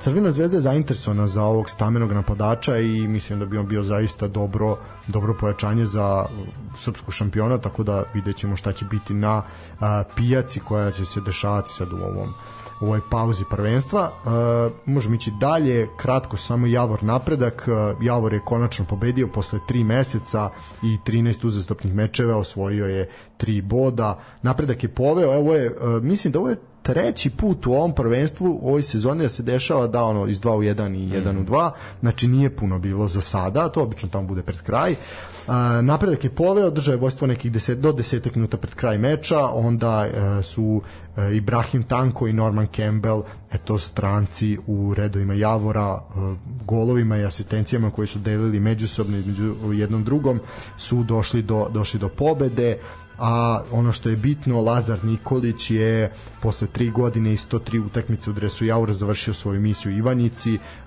on se seli u redove Crvene zvezde i lepo je videti da se večiti rivali pojačavaju iz onog što je najbolje iz naše lige a da se malo smanjuje ta priča sa strancima. Na primjer to je bilo alarmantno za Partizan ove sezone da su u jednom momentu apsolutno ceo ofanzivni deo ekipe su bili stranci ovaj što je onako malo malo zabrinulo sve, ali evo ovo je na primjer lepo uh, Lazar Nikolić je zaista kvalitetan igrač, igra po beku što je Crvenoj zvezdi negde i potrebno bilo cele ove sezone, tako da eto raduje, raduje da se negde ipak taj kvalitet malo što se taj pojedinačni kvalitet ovaj ipak ceni i vrednuje. Ovde ja ne bi se posebno nešto zadržavao, to nije zanimljivo za priču. Uh, mlada slučajni Kolubara 2-0, Kolubara katastrofa, bože sačuvaj. Uh, ovo je utakmica gde se desilo ovo za Bojevića koji je u 62. minutu postigao pogodak. Uh, šta treba reći, mladost iz Lučana je obično do sada bila mislim i sada jeste to onako problem je u Lučanima namenska industrija je rekla nema više sponzorstva i to je sad problem ali negde eto da kažemo sreća u nesreći je što se to dešava u sezoni kada mladost ima nekoliko zaista kvalitetnih mladih igrača. Obično je to do sad bila najstarija ekipa u prvenstvu koja igra onako najtužnije, najružnije. Sada ne imaju nekoliko zaista odličnih klinaca, jedan od njih je Đorđe Gordić koji evo odlazi put Manchester City-a, jeste ga City otkupio, ali će on najverovatnije sad se piše ići u Belgiju na pozajmicu, ali eto, iz Lučana u Manchester City, to je sasvim, sasvim lepo. Imate još nekoliko momaka koji su isto jako mladi, golobradi, ali svakako su kvalitetni, naprimjer Nikola Jojić, momak koji je, mislim, 2004. godište, što je isto jako, a možda čak i peto, ovaj, sad ne sjećam se na pamet, što je zaista jako lepo i eto, m, pronalaze neki sistem da jednostavno moraju iz svoje baze da se finansiraju, ne može se više očekivati od državnih preduzeća da da ulažu pare, jednostavno sindikat se pobunio, ja znam si ispratio tu vez da je bilo A, da nisam, nisam. sindikat namenske industrije se pobunio i rekao, alo ljudi, kakve pare vi dajete, mi no, naši To radnici. kad je umro nešto je bio predsednik A, ne sindikata, nego te namenske ne izlučena, onaj, a kad je on umro? ono što prošle godine, A evo, nije ovo sad bilo pre, pre dva meseca, tipa. pošto oni nisu bunili kad im ubijaju kolege tamo u namenskoj, Da, da, to- to, sad se da. pobunili protiv futbola, mislim. Da, pobunili su se, pa znaš, kao radnicima se isplaćuje minimalac, a vamo dajete tipa 60.000 eura mesečno, ne, tako neko, neko ono ludilo, ovaj, tako da zaista, ono, eto, negde mi je drago što Lučani ipak uspevaju da se da se ob, da opstanu na tom nivou i neka kad imaš mlade igrače, kad imaš tako mlade tim i lepo igraju, zaista prvi put ove sezone posle ja ne znam koliko Kolubara ne znam šta da kažem Kolubari, ono bio sam tamo, ugostili su me kao boga oca i zaista im želim da zbog toga što su meni prepoznali VIP ličnost, ovaj da da ostvare svoje snove i da da budu budu u Evropi. E, dobro, možemo na TSC pa ćemo onda napriti kratku pauzu. A, TSC Radnički Niš, ovo je ovo je derbi koji je onako mm, a derbi žute štampe zapravo ako ćemo realno. A, tu je opet Lalat napravio cirkus ovaj ti se znaš mi stalno ističemo Lalatovića ovaj on je naš ovaj maskota naše emisije i ono neko je poslao poruku aj prestanite od Pajsera da pravite poznate ličnosti što je to nekle i u redu. A, kako se vama čini taj njegov show pa ćemo da pričati malo o meču to što on radi? Sad Da li ili da inače? to- inače generalno da li misliš da je to svrsishodno? Ili imaš ono naš imaš dve struje imaš one jedne koji kažu a znaš kao, on time skida teret sa svojih igrača. Nije on Mourinho, znači da se razumemo, ali to, to, ovaj, pa to je nije. njegova priča, izađe kao ranije, pa ovi kao protivnički psuju njega i onda svuče teret i to. Meni se čini da je Lalatović da je to, nije on to planirao uopšte se dešava ovo, to se njemu desilo pred par Misliš da godina. mu se omaklo? Pa da, i ja mislim da on sad ima to načelo izvođenja, Vreme, što da, bi rekao, da. pa sad što bi rekao Markuze ima načelo izvođenja. o, pa, neko je studirao filozofiju ovde pre 100 godina. O, Konačno je dobilo svoj ono. da, idemo. Evo ga. Šalim se, o, ja, ne, ja mislim, da, mislim da ga je ponelo i da on u suštini igra tu ulogu koju je dobio, razumeš? I plus kokain je bi ga. I to je to. Kao, ako ne zanemarimo tu činjenicu, kao Pazi, ja da- moram vas dvojicu nešto da pitam, generalno za Lalant. Aj ti budalašti njegove, šta priča Da, svojim da. svađa se, ide vamo, ide tamo. Jesi vi plašiti njega? Kako misliš, ga seo na ulici? Na primjer, ja sad idem u moju zgradu ulazim. Dobro. Aha. 11 uveče. Mada di ja idem u 11 uveče, realno, ali sad zamislimo hipotetičku situaciju da imam društveni život, jel? Da, se da, neki vraćam se s futbala u pone, utorkom u 10, pola 11 i sretno. Nije Dejan došao po mene kolima, ja idem peške, znači pola 11 se vraćam, a sad je već i ladno da idem peške, ali nema veze, Dejan, sutra me voziš. I dolazim ispred moje zgrade i on stoji ispred zgrade. I onako gleda u nezvereno u mene i to, i on ne zna da bušu zgradu. E, ali, okej, ajde reci ti A, postavljam. ja mislim, znaš, da je on ono pet friendly. ja, Tako da, je. da, da je E, friendly. Vidi ovako, sa više strana, znači naš drugar Žika, kog znate bio je na futbolu i sve, uh, je više puta se zatekao u jednim uh, kako bi sad to da pojem pristojan noćnim objektima, ne u jednim objektima za kult, kulturno vozdizanje ovaj, čite kafanu ovaj, ga više puta on je najprijatniji čovjek na svetu to je naš ono, ali ne ono sad popio je pa je sad grli ljubi, nego opušteno zezanje sve, nebitno je da li si ovaj onaj, navijaš za ovog za onog ne vidi Pa šta, njemu sve dok je vodio 15 klubova, mislim, Istina, da, posvađati. mi se sprdamo tu ono kad se susreću dva njegove kluba derbi de la Lalat, znaš, ono, ovaj, ono, svaki je. Tako da, pošto i to ćemo pričati o tome. E, Elem, znaš, ono kao, nije tako, ali jednostavno kad stane tu pored te, te, te out linije, on podivlja. To, to je onaj sindrom limeni, razumeš? Nije, mislim, kaže, ja mislim da to njega ponelo, razumeš? Znači, Pa da on, jeste, sad, ali i on sada ljudi očekuju to od njega i da će tako se ponaša, razumeš? Mislim. Da, ali def, Ne, ima on, ima, ne, ne, ima tu energiju, naravno, Ima ima... energiju, vidi, e, Nije da drago se- mi Rokuka, slažemo se, razumeš, da čačka nos pored klupe, ali... Da, da. Ali, da se mi ne lažemo sad ovako, on ima taj jedan e, moment da on zaista izvuče od svojih igrača taj neki maksimum koji oni mogu da pruže. Na taj neki način, na to urlanje, divljanje, na to skakanje, znači sve on to mora, stoji. takve su mu ekipe. Tako je, realno tako je. To je kao ti, izvini, ti kad braniš. Znači ti uvijek imaš dve škole golmana, to sam ja zaključio iz mog Ajde, života, razumeš, jasno. futbola, rukometa, svega. Pa pazi, imaš ono koji je jako dobar i on je obično tih, Aha, Milan Borjan, znaš, on ćuti, ali ga, da. a nije on dobar, ali ne, ne, aj, nije bitno. A imaš drugog koji je okej i solidno brani, ali malo mu nešto fali i on mora da urla, kao ti što urlaš na nas stalno, razumeš? Čovek! Čovek! Čovek! Jebote, vid, pusti me čovek, jebote. Man se mene. sad više neće urlati, ja sad ovo rekao. ali Nećeš, urlaćeš sutra isto, ali ne, ne mislim da to ništa loše, razumeš, ali zato ti kažem, to su ti vrsti trenera, razumeš, on ima to, njemu fali znanje, realno, da se ne lažemo mi. Pa okej, da, ajde, da. Mislim, naš opet je on... I neće ga nikad ni imati, jer on je na tome, on je Ne, na paljenju, ne, ne razumeš, da, da. a treba i paljenje, i to je dobro, razumeš, samo što to njegovo odvuče u potpuno ludilo, razumeš, mislim. Pa, da. I to je onaj to je deo koji ja mislim da on jako da voli, ko sa svo sad Lazetić, je mo brati Da, je, da. pelene, nosiš, idi vamo i tamo, znaš, njega to On je takav bio kad je on, kad je on vodio zvezdu, koliko ima, 7, 8, 10 sezona, koliko ima. već, Da, nije baš 10, ali malo manje. da. nebitno, ono, mislim, s onim skakanjem, ono, ja se sećam, ja sam, ono, sad, to, to je prva reakcija njegove koje se ja sećam, u stvari, razumeš, mislim. I tu je, ja mislim, krenulo sve i sad, sad svi vole od njega, razumeš, a da, A ono, ne, vidi, no šta se desilo, u jednom momentu prošle sezone ste vi, kada Arena Sport radi prenos, imali jednu kameru koja snima samo Lelatovića. a da. I to ti govori dovoljno o svemu. Mislim, de, mi se ovde najviše radujemo kad se on vrati, jer on zaista iz kola u kolo ti daje meso o čemu da pričaš. Pa da, pa da. I on podiže fokus na ligu, ok, možda na pogrešan način, ali de facto naš je potrebno tako nešto. Jer sad oni Pazi, ja sam prisustvovao tome pre koje kolo je Partizan igra protiv radničkog iz Niša, ti si imao na istoku stadiona barem jedno 300 ljudi koji su došli samo zbog Lalatovića. Znači ti nisi došao da gledaš svoj klub, nisi došao da ga podržiš, nego si došao zato što njima trener Nenad Lalatović da bi njega vređao. I oni su njemu jašili po glavi 90 minuta. Ali pazi, čo, ali čovjek nije ništa uradio na te utakmice. Da on sad ne znam, bilo je kad je pravio gluposti, pa okej.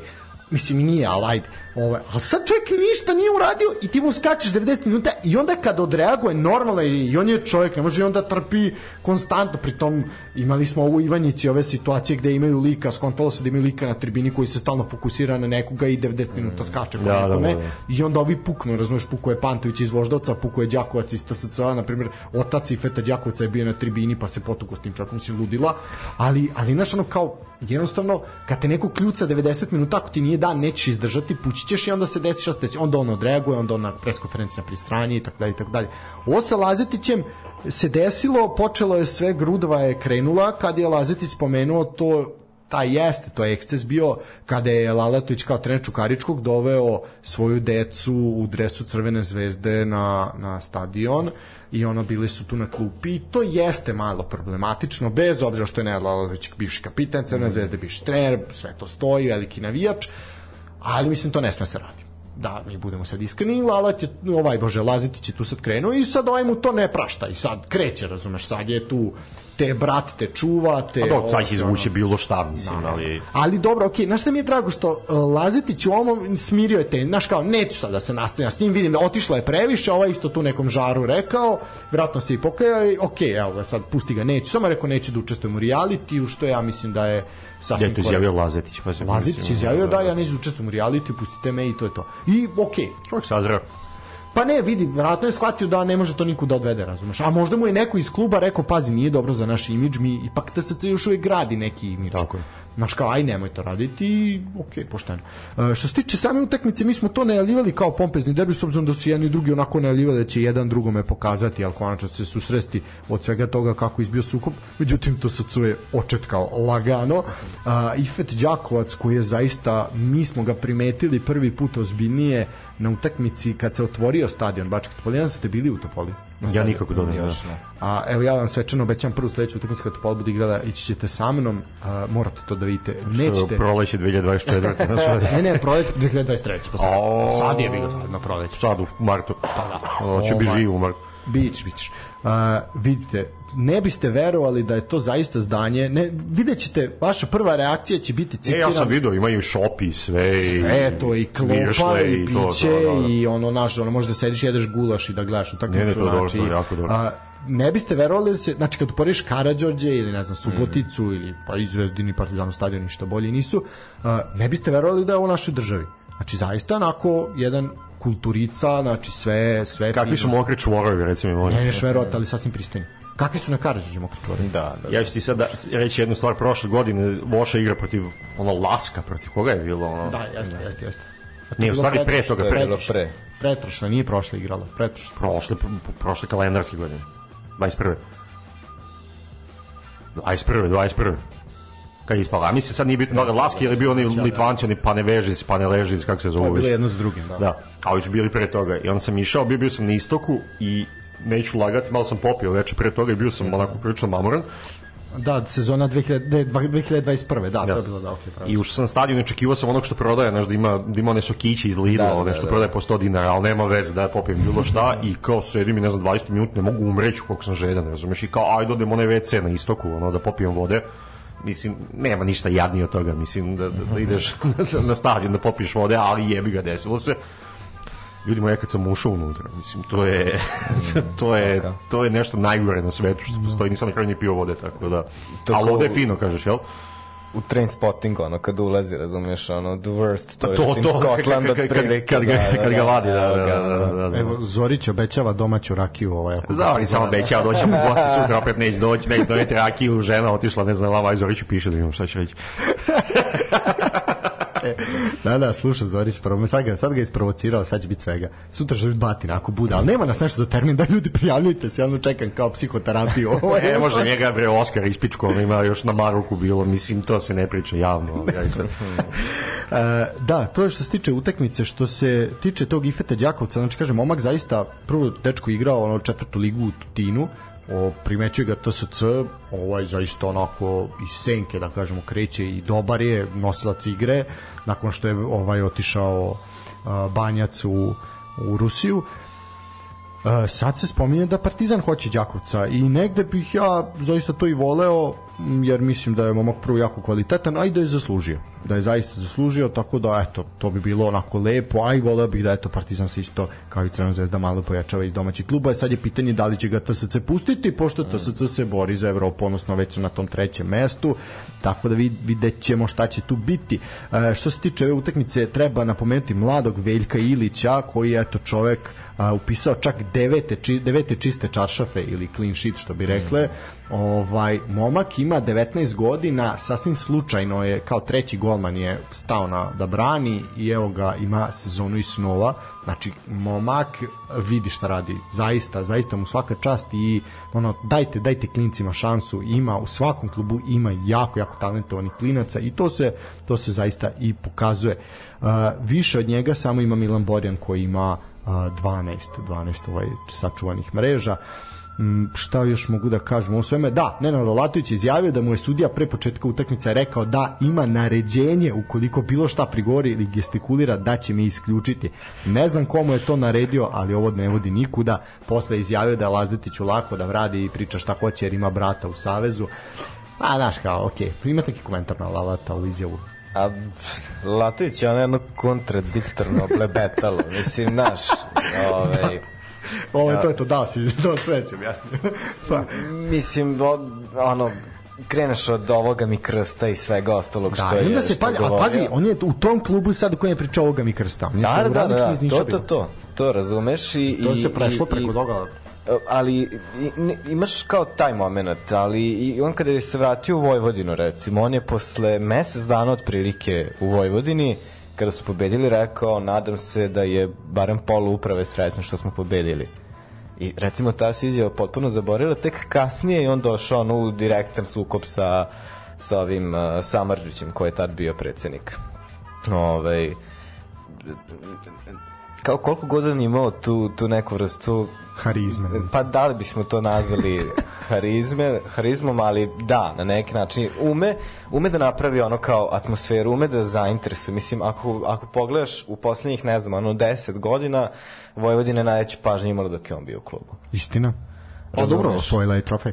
Osvojila je, da, i trofej i sve, ali kao na neki način je opet ono, prosto on je tu privlačio, privlačio pažnju. A, 90% stvari koje on govori su totalne budalaštine, najverovatnije. Ali, ali kao u svemu tome, recimo na kraju re, moraš da vredneš opet dok je bio Voši kada, kada se a, futbalerima nisu isplaćivale zarade, da, da. nisu, Sećamo se nisu toga. one nagrade dobijali, ali ne samo futbalerima, nego celokupne kao zajednici radnoj. Zaposlenima, da. Da, u, u, u Vojvodini. Onda je on tada, recimo, izašao. I pozivao gradonačelnika, predsjednika, sećamo se mi smo... Razumeš da, sve. da, I, sećamo se znaš, te priče, da. recimo, on to nije morao da radi u smislu da on sad ispada neki tu mesija, borac za socijalnu da, da. pravdu i ostalo, ali je uradio, kao to, samim taj čin što je to radio je opet privuklo pažnju i moralo je malo ove natera da urade nešto, da isplate ono zarade ljudima, znaš. Tako da kao, b- Muzika nestala, jel? Ja sam slučajno bez... baš ono jedan, jedan lik kao koji ono antiheroj srpskog fudbala ne znam ne znam znaš ono kao Da li na kratke staze, razumeš, to sve što radi on je, znaš, i to je, nema kontinuiteta, ne može Da, zato da, nigde da. ni da bude duže od godinu Pa dana. ne može, da, to su to to je takva vrsta trenera, taj honeymoon, ovaj naš ima period od godinu dana i on jednostavno ne može ne može. Ili da manje. Pa ili manje, da. Ono, ali eto, znaš, zato je promenio ono 15 klubova u našoj A pazi, mi ćemo njega gledati, mislim, ko on je, ko je 77, 8 godište, da, ko je da, on, da, da, mislim, da, da, pazi, da, on će da, biti još 20 godina, razumeš, Pa i mislim. više, da, dok se ne šlogije. Ja mislim, gde će otići on, razumeš, gde može da ode, mislim. Pa eto bio je boci iz Banja Luke i tamo je napravio haos. Pazi, vidi, Da, da, da, način da, da. na koji je on do 77. godište. 77, Ovaj, da. Uh, pa da, mlad, 44 godine. Pa dobro, on je rano igračku karijeru završio. Mm. Ovaj. Uh, bio je u borcu iz Banja Luke, doveo je sedam igrača, I to epski je kolabiralo sve, Da. ali on imao takvu pažnju koju borac iz Banja Luke nije Da, da, imao nije nikad, dobio, bio da. šampion pre koju sezonu. Znači, ali pritom, uh, sad ima tu naš, uvijek ima to nešto, ali, pazi, čovjek je sa ne znam koliko, prvih sedam kola, ja mislim, bio trener, sad možda sam i odvalio od prilike, on nije ni jednu, nije jednu utakmicu igrao na svom stadionu, oni su njima skinuli travu, oni su igrali sve utakmice kao gostujući, po Modrići, po Novom gradu, znači uopšte nisu imali svoj teren, znači to je neko ludilo ali koje, prvo u jednom momentu da postoji gore od naših, postoji to je onda Bosna.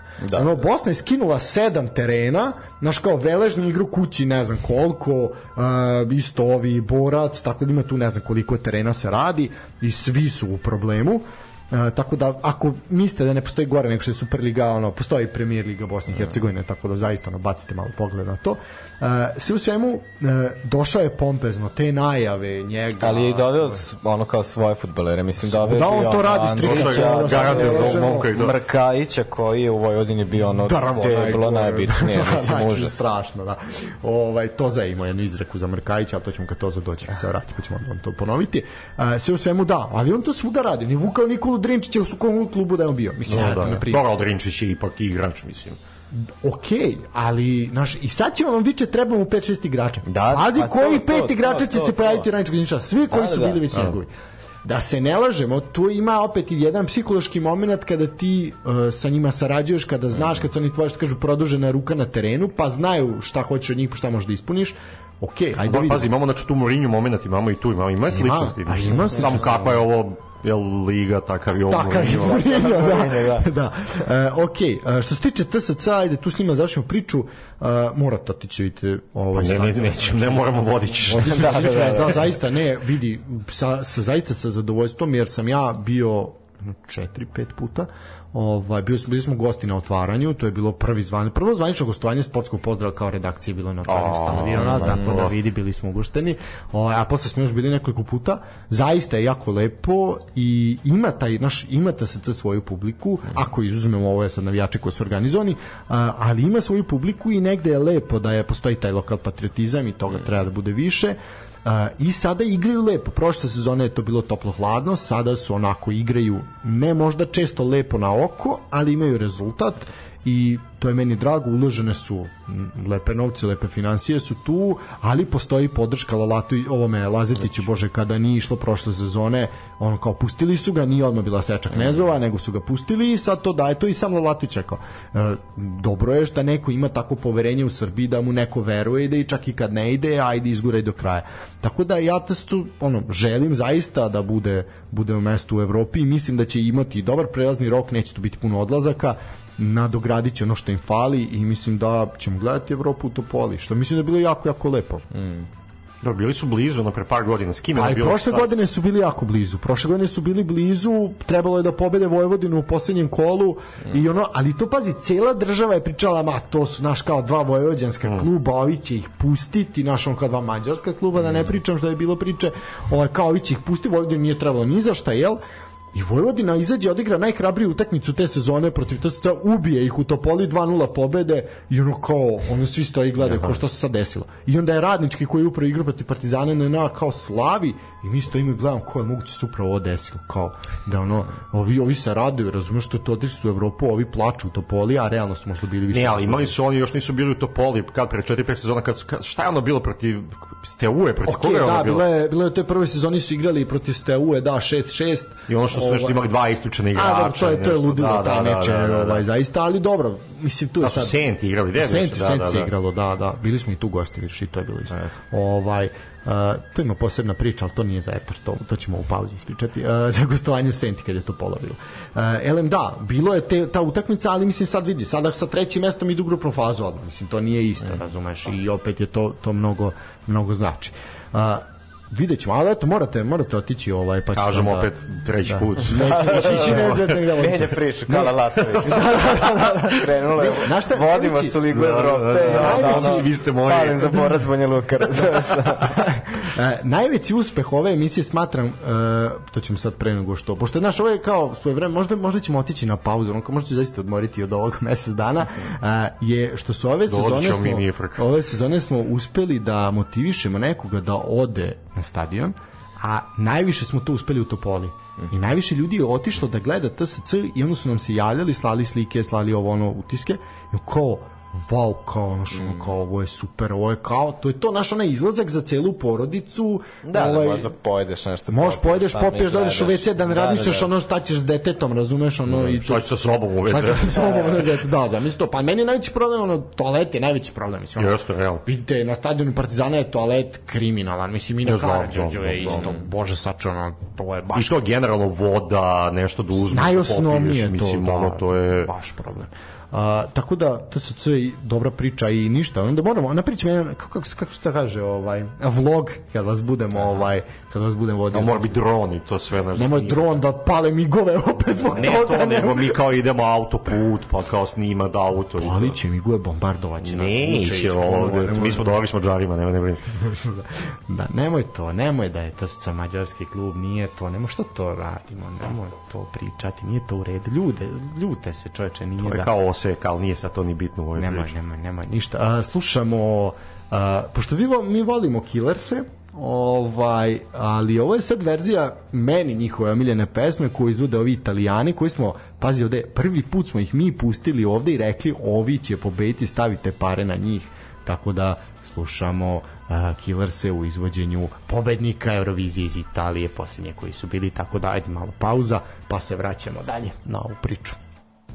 One,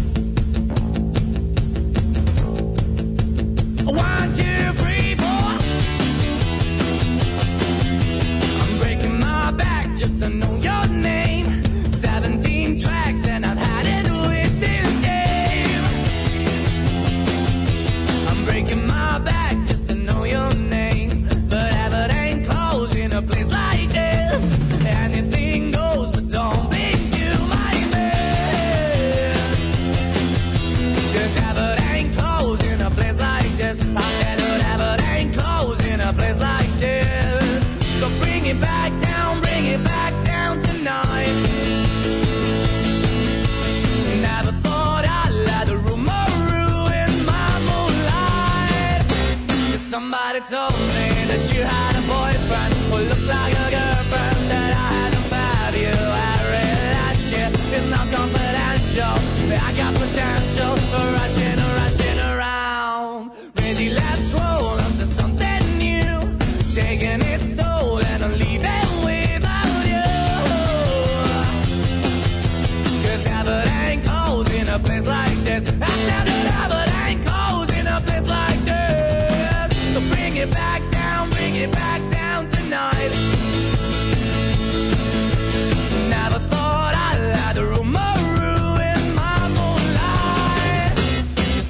it's all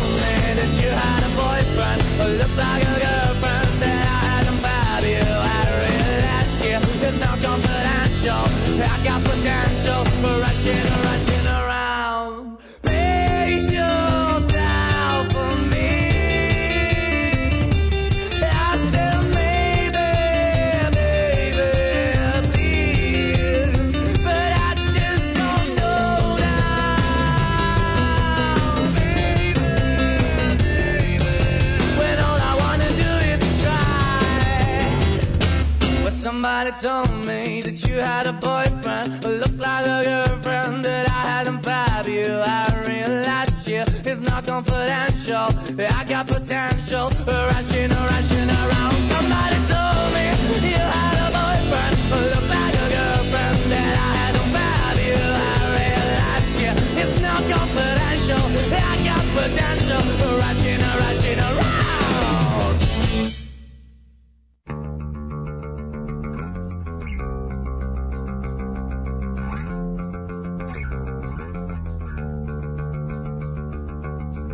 My friends present, past and beyond, especially those who weren't with us too long. Life is the most precious thing you can lose.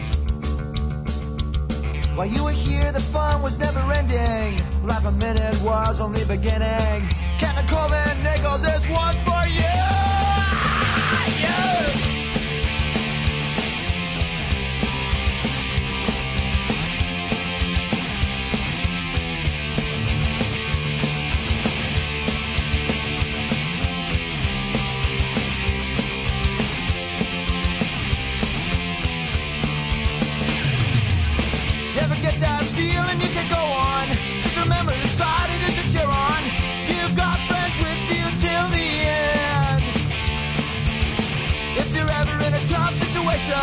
We'll be there, no hesitation.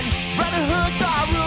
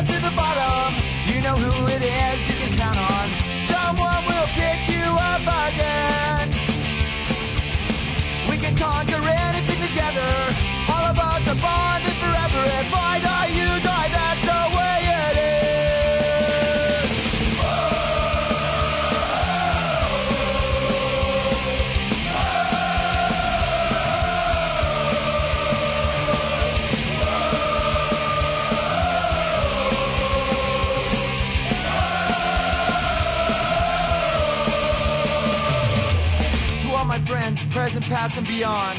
To all those who weren't with us too long. Life's the most precious thing that you can lose. While you were here, fun was never ending. Last minute was only the beginning.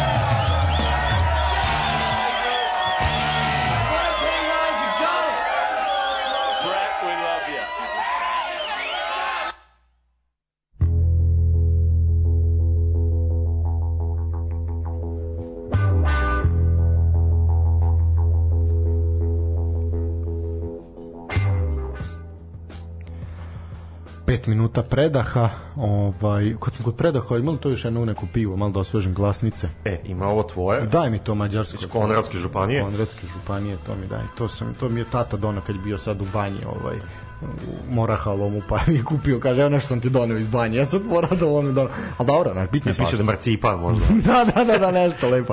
Ne, šak, super je ovo.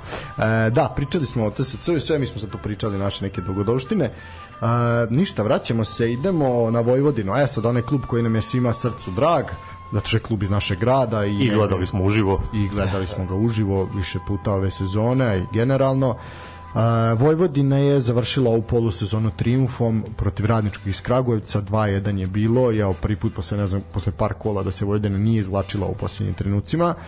Uh, prvo poluvreme jeste bilo bez pogodaka, u drugom delu je bilo zaista dosta uzbuđenja i onako malo je nedostajalo da uh, možda čak Vojvodina i prospe to što je zaradila, ali mogla je Vojvodina i ubedljivije da, da pre onako sve o svemu kad se podvuče crta, to je to. A, imali su novosađeni dva gola prednosti, nisu se Kragujevčani predavali, moram pohvalim radnički iz Kragujevca koji za, zaista onako tempirao formu za ovaj negde kraj, kraj, sez, kraj ove polusezone. Uh, i podigli su ritam i pojačali su se dobro i sve to pričali smo već više puta. Uh, i znao sam da ovo neće biti laka utakmica. Na kraju je zaista drugo poluvreme bilo dobro. Prvo je onako bilo poprilično loše. Uh, mislim dobro za naše uslove. Nemojte očekivati premijer ligu nikada Uh, što se tiče strelaca, Ponjević je bio uh, postigao auto gol, mada je zaista jako lepo tamo se prošlo i upućen je taj ono u 5 metara. Prosto je bilo čudno da niko, a bilo je tipa dva igrača sa ove, jel, ili čak možda i tri u kaznenom u tom momentu. No, Da, ali puno- on je bio tipa na dva metra. je Da, on je bio On najbliže. je krenuo da ispuca i samo mu je ono prešlo preko noge. Otišlo je, da, ali da nije on, mislim, ovaj igrač prvi bi, bi dirao. Uh, Simić je na 2-0 i onda je Vidović jednim jako lepim golom Jeste, u 78, jeste, zaista lep gol. Mislim da je uvršten u top 5 najlepših golova u kolu. Jeste jako lepo udarac glavom, zaista je bilo bilo lepo.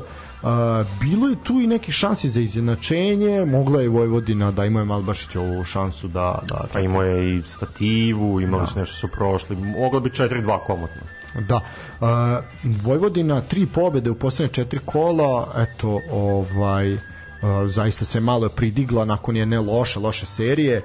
Rastavac je imao jednu onako zanimljivu konferenciju koje je zahvalio se vernim navijačima da su bili vetar u leđa cele jeseni, da zaslužuju i veće čestitke od opšte celog kluba i obe, obećao je da će na proleće to izgledati bolje, da će biti zrelije, uigranije i spremnije da je pred njima sad prilazni rok i da svakako će biti biti pojačanje. E sad, ajde malo da rezimiramo Vojvodinu. Ra- Kragujevac smo mi rezimirali u prošlom, tako da se ja neću puno osvrtati na njih, ali ajde Vojvodinu negde ovaj moramo.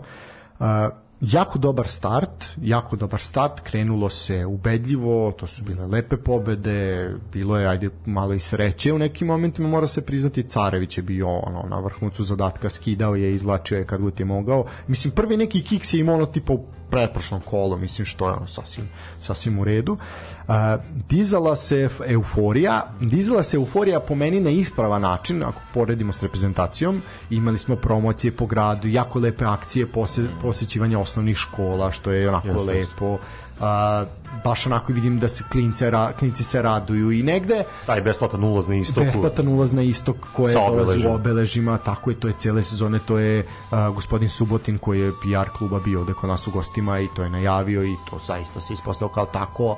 Mi smo tu negde sugerisali na neke propuste kada su besplatni ulazi, pa lju, redari ne puštaju s kartama, oni ne oštampaju dovoljan broj karata, pa se i to čujem da se i to promenilo, da se i jeste. to izneve, iznivelisalo, tako da e, negde dolaskom Zbiljića klub se posložio po ono transverzali i mnogo to bolje funkcioniše, ali negde je i sam osjećaj u gradu da se nešto pozitivno i lepo dešava pored rukometa, pored odbojke koji su na vrhunskom nivou, pa pazi i hokej koji je sad ove godine još uvek se vode kao šampioni, sad je- vidjet ćemo šta će biti u, u ovoj sezoni. Pa izgubili su sad 5-0 od celja, ja mislim. Pa dobro, ovo je regionalno, da, vidjet ćemo šta će biti, šta će biti ovaj kao u šampionatu države a, gde brane trofej, tako da, znaš kao, stalno se čeka taj neki futbal i evo sad ove sezone je to delovalo da to može biti nešto, naš porodična atmosfera u klubu, da to sve bude, znači, rastac koji navijač Vojvodine, se, gospodin sa jednim odmerenim izjavama, sve na mestu, sve. E, nekad možda i previše u rukavicama, ja bih možda i tako istakao. E, I onda je nakon tog dobrog starta i sve, pa i te utakmice s Spartakom gde smo obo- obojice smo bili prisutni, to je A da, realno su bili, bili bolje, eto, izostala je ta pobeda, ali e, Tu i suđenje je bilo, izvini, onda Bilo onaj, je, bar, se. onaj što je vratio ono posle dva minuta našo prekršaj pre gola, mislim, to je bilo pameti je, bilo. bilo je svega i sve je to naš krenulo je dobro tri pobede uh, su se vezale sve je to bilo super ono prvo mesto svi su euforija a sad će igrat protiv Zvezda onda je Zvezda malo to odložila pa je to ispalo bez veze Tad je i krenulo stvari. Tad je, zapravo da, tad je i krenulo. I onda je krenulo Čukarički, Čukarički našamaro Vojvodinu, pa je onda krenuo TSC, pa je onda Partizan koji je neshvatljivo lako i takve greške ove ekipe ovaj, novosadske da tako lako prime golove, jednostavno baš, baš ovaj kao da nisu iz istog ranga takmičenja.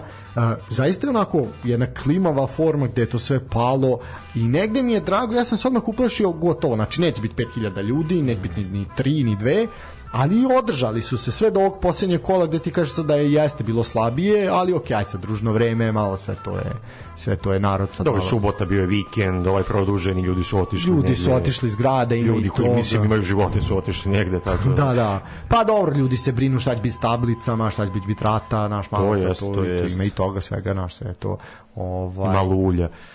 da, gorivo opet poskupelo, tako dalje. Sve o svemu, da, malo je tu opalo, ali kažem, moram pohvaliti zaista novosadsku publiku, što nije lako, ali održati toliki broj ljudi tokom cele polusezone je zaista za uspeh. Uh, kako ste vi videli Vojvodinu ove polusezone, kako vama sve to deluje, ta promjena strukture, uh, to da je Zbilić ostao sa navijačima na tribini koji su bili zaključani jer se čekalo da ovi drugi izađu, kako vama sve to deluje, da li vam se negde Vojvodina omilila ili se možda zgadila ili kakvi su utisci?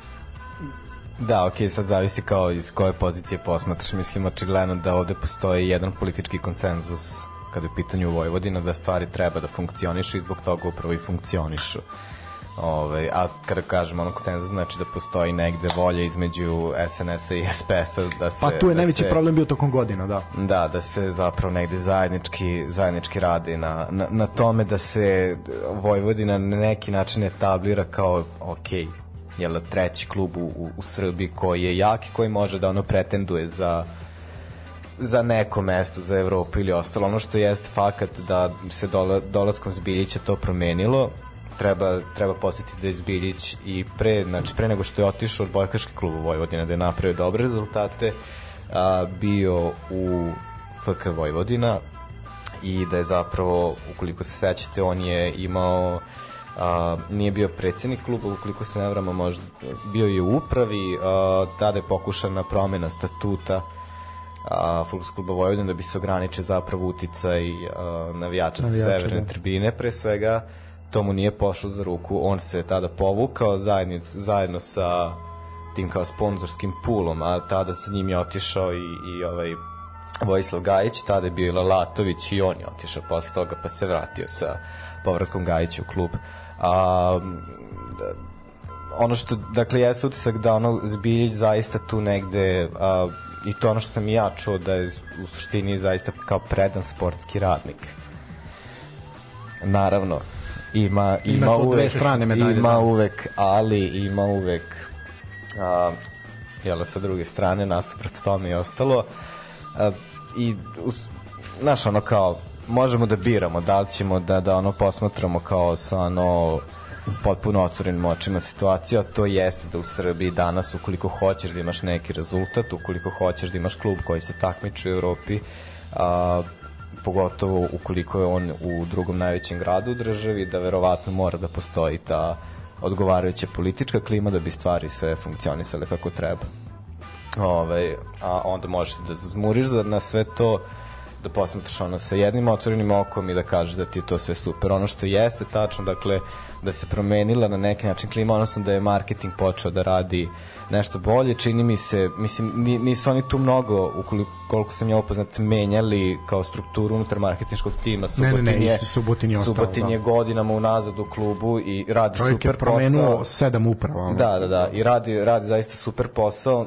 Ono što je možda negde se promenilo jeste da je dobio na neki način možda više odrešene ruke. I da se prosto nago i da se pro, da. pa da i da se prosto ali imaš a, financije da ali imaš opet i neki drugi ljudi koji su ranije bili u klubu su se ponovo vratili mislim Zoka Šćepanović na primjer koji opet se tu a, prima kao koji je isto ranije bio u upravi ta čitava priča sa, sa na ovaj, uh, tom kampanjom sa billboardima i ostalo, mislim, koja je super kampanja i super je tako nešto postoji i Vojvodina to definitivno A misliš ovo da sa radi. Nikom Antićem i to što Pa je... da, da, da, mislim, znaš, kao to su sve stvari gde si ti zapravo u suštini konačno si dobio mogućnost da je dobre ideje koje imaš možeš da realizuješ zato što postoje resursi. I naravno da će onda biti da će biti drugačija klima. A ta ti si pomenuo dakle te, te odlaske škole što je takođe dobro i ako gledamo stvarno mislim tu neku lokalnu zajednicu možeš da jačaš preko lokalnog kluba da upoznaš te klince da im je prosto Vojvodina na neki način bliže od drugih klubova zato što su tu u Novom Sadu tu odrastaju na kraju krajeva tu mogu i da, da se uče futbalu. Naravno, mislim vidi, evo ja, ja mogu da kažem, mislim ja sam navijač Partizana, ali je Vojvodina za mene ima posebno mesto i u srcu i uopšte u nekom načinu razmišljanja. Vojvodina je klub iz mog grada, ja Vojvodini želim sve najbolje, ja ću uvek otići da pogledam kad imam vremena, mm. da otići da pogledam Vojvodinu i bila to evropska utakmica, bilo to šta god, želeti joj pobedu naravno i znaš ono kao Vojvodina zaslužuje poštovanje uh, svih nas, bez obzira za koji klub mi navijali, jer je prvo klub iz našeg grada, drugo, ima istoriju kakvu ima, ima istoriju koja može da se ponosi i šta je bilo i da ne pričam sad o ratovima i vama i tamo, ali uopšte i kao klub kako su funkcionisali. Tako da ovo što pričaš zaista je ono malo je i šteta što se godinama to sve propuštalo i što se nije delovalo jer negde, negde je najveća pobeda videti te klince na stadionu, da su srećni, da su radosni kad izađu i ono kao, još naravno da kad ovi uspeju da pobede, to je onda potpuni uspeh, ali Pa da, mislim to zavisi naš ono stvarno kao koga ti imaš u upravi koliko taj neko prepoznaje kao važnost svega toga ukoliko ono bukvalno imaš neke bumere koje ti ono sede i kojima je a, promocija da ne znam svakog dana u dnevniku na jednoj strani da. imaš imaš ono priču o Vojvodini intervju sa nekim Tako je onda, bilo, da. pa tako je bilo da znaš onda kao ok u redu onda ćeš imati onoliko publike koliko dnevnik ima čitalaca znači veoma malo prosto negde moraš da izađeš ono i van stadiona i van medija i da, da priđeš ovaj publici i opet kažem, vraću se onako na, na, na Zbiljića koji jeste prosto onako tu a, pokrenuo stvari, promenio, mislim, a, ali opet, znači, jednostavno kao politička situacija, to ono što jeste žalosno, dakle, da ti kada imaš određenu, određenu političku situaciju imaš i prostor i mogućnosti da klub napreduje, da klub živi, da klub se razvija i onog trenutka isto kao sa ono ne znam mladosti na primjer da je uletao investitor da se u vrlo kratkom periodu prešlo iz ranga u rang do super lige ali se veliko pitanje ono zapravo imaš veliko pitanje šta će biti onog momenta ukoliko se investitor povuče na primjer Pa za mladost je to poprilično pitanje, da. Znaš, da, da, zato što da li je napravljena tu ikakva infrastruktura u smislu ono neke omladinske škole koja bi kasnije razvijela ono, ono što radi Čukarički. na Pa dobro, vidi, Proletar, na primjer, ima ozbiljan omladinski pogon i meni je nekako najviše bilo žao toga, sad malo skačemo iz sa temu temu, ali, znaš kao, Proletar ima ozbiljan omladinski pogon i ti si tim klicima uskratio mogućnost da se razviju, da igraju na nekom visokom nivou, tipa prve lige ili super lige, ovaj, jer si sad ubacio taj novi sad i klinci su ostali u proleteru Da. što je meni opet drago jer kao opet si sačuvao ono srce, on žilu kucalicu tog kluba ali sad ti klinci će se načekati dok budu dobili neku šansu u nekoj većoj pozornici. Pa da, sad opet uh, nadam se da će ono kao Zbiljić uspeti negde na neki način da uradi ono što je uradio sa odbojkaškim klubom, a dakle da, da, da to opet za odbojkaški klub znamo 90-ih šta je bilo, u kojoj meri je prosto bio dominantan, sada je opet dominantan, ali da se zaista konačno i za Vojvodinu vrati ta omladinska škola u svoj svoj snazi. Dakle, ti si tu godinama unazad isto imao problem da prosto su ono pogrešni ljudi bili na, na, na, mestima na kojima su se nalazili i mislim, evo recimo pomenuo si Topića, dakle ovaj, e, prilično onako jedan kritičan odnos prema njemu ili Dejana Zukića ukoliko hoćemo, dakle to su sve futbaleri za koje ja znam da su poslednje 4-5 sezona priča o tome kako će buknuti, kako su zainteresovani ovi oni za njega, međutim mi to na terenu baš i ne primećujemo, ok, Topić ima jedan period da je bio povređen pa nije dugo ni igrao, ali znaš kao recimo to su to su dve uzdanice koje su prosto kao eto imali Dobro, smo eto, očekivanja imali smo devetaka, devet, devetak od Šupalermo. na Devetak, da, da, da. Sad imamo Kabića koji opet zaista Da, onako i on je kada dečko prošle godine tamo on je krenuo i onda ga je ono... Ono, su ga sasekli, Da, da, da. Pa dobro, imate, vidi, malog Bjekovića na beku koji je toliko ispod žita, O, da. ono se provukao da smo ga mi ovde spominjali i ono, znaš kako, bila je ta promocija pred početak prvenstva na, na tregu, jel? Na Bože, na Lodičanskog dvora. da, I mi smo, bili smo Lukić i ja, i ono kao, niko iz Bjekovića nije teo da se slika, ja sam mi prišli, rekao, brate, ono, Pa on, on, jel kao, da, on ti deluje, znaš, ono kao stvarno lik koji ti ne, ne uliva mnogo poverenja. Ali zapravo jako kvalitetan Ali, ali da. kvaliteta, na primjer. I I, baš, se, baš se nadam da će ovaj, a, pitanje opet šta će se sad uraditi a, tokom prelaznog perioda. Ono što vidim i što mi je takođe drago, recimo, da postoji zaista velika doza poverenja prema Rastavcu. Da, to je više puta je, dva, dva tri puta je zbili smirivao situaciju ono i svojim nekim Da. saopštenjima i sve. je on govorio da on preuzima odgovornost zato što je kao- bio njegov izbor, što je takođe veoma pozitivna Hvala, stvar. tako je. E, ja opet kogod imam neko to zaista lep i kao ok stvara se to a, na, mi smo znači da svi navijamo za Vojvodinu da to bude ta neka porodična atmosfera sve to što smo rekao ali ja zaista ne znam meni e, Rastvac deluje kao da on ipak nema kvalitet za tako nešto. Ja bih voleo da m, zaista bih voleo da ode javno izađem i kažem ok, ja sam pogrešio, kao što sam za neke stvari pogrešio, za neke nažalost bio u pravu, ovaj ili na moju sreću. Tako da, ok, ja želim da me Rastac razuveri, ali ja za sad nisam video tu neku crtu u njemu koja, znaš, fali mu mala doza Nenada Lalatovića da bi on tu nešto radio. Da, ali možda je to i do nas, zato što, znaš, možda smo mi naviknuti na, na, na tu Na Latovića, vrstu, da. pa da, da, da, na neku vrstu eksplozivnosti koja bi nam delovala kao neka kao dokaz nečije i želje i kvaliteta, znaš, da, da, da kao neko znanje prati i, i to kao želja da, da se nešto uradi. Rastavac jeste lik koji je prilično ono kao smiren i neka ravna linija otprilike. A gospodin, nema šta. Ovaj, ali ne znam, ja nekako imam prilično poverenja u njega. Ne znam baš, kao došao je ovde, jeste bila prilično promenljiva polusezona kada, kada su u pitanju igre, ali mislim da opet je i potrebno vreme da se možda napravile neke greške kada je u pitanju prelazni rok, ovaj prvi da. a, i da, da prosto mu se da šansa kao što si eto ti pomenuo pozitivan primjer Lazetić. sa, sa Lazetićem ovaj, da, da se prosto da čoveku šansa pa nek uradi nešto na kraju krajeva opet vratimo se na to da možda i, i kao, da, voleli bismo Vojvodinu u Evropi, Novi Sad to definitivno zaslužuje, ali ajde prvo možda da se napravi ta atmosfera oko kluba koja je onako jedna zdrava, pozitivna atmosfera, da se opet ti ljudi vrate na stadion i da probamo da da ono kao igramo ne znam što lepši fudbal mislim u, u, u onoj meri u kojoj je to moguće u srpskom fudbalu ali i onda da, da kao probamo, znaš, neki rezultat, mislim, ti, znaš, kao u posljednjih nekoliko sezona si imao situaciju da, znaš, imaš jednu sezonu u kojoj osvojiš kup i onda sledeće sezone sedmi na tabeli.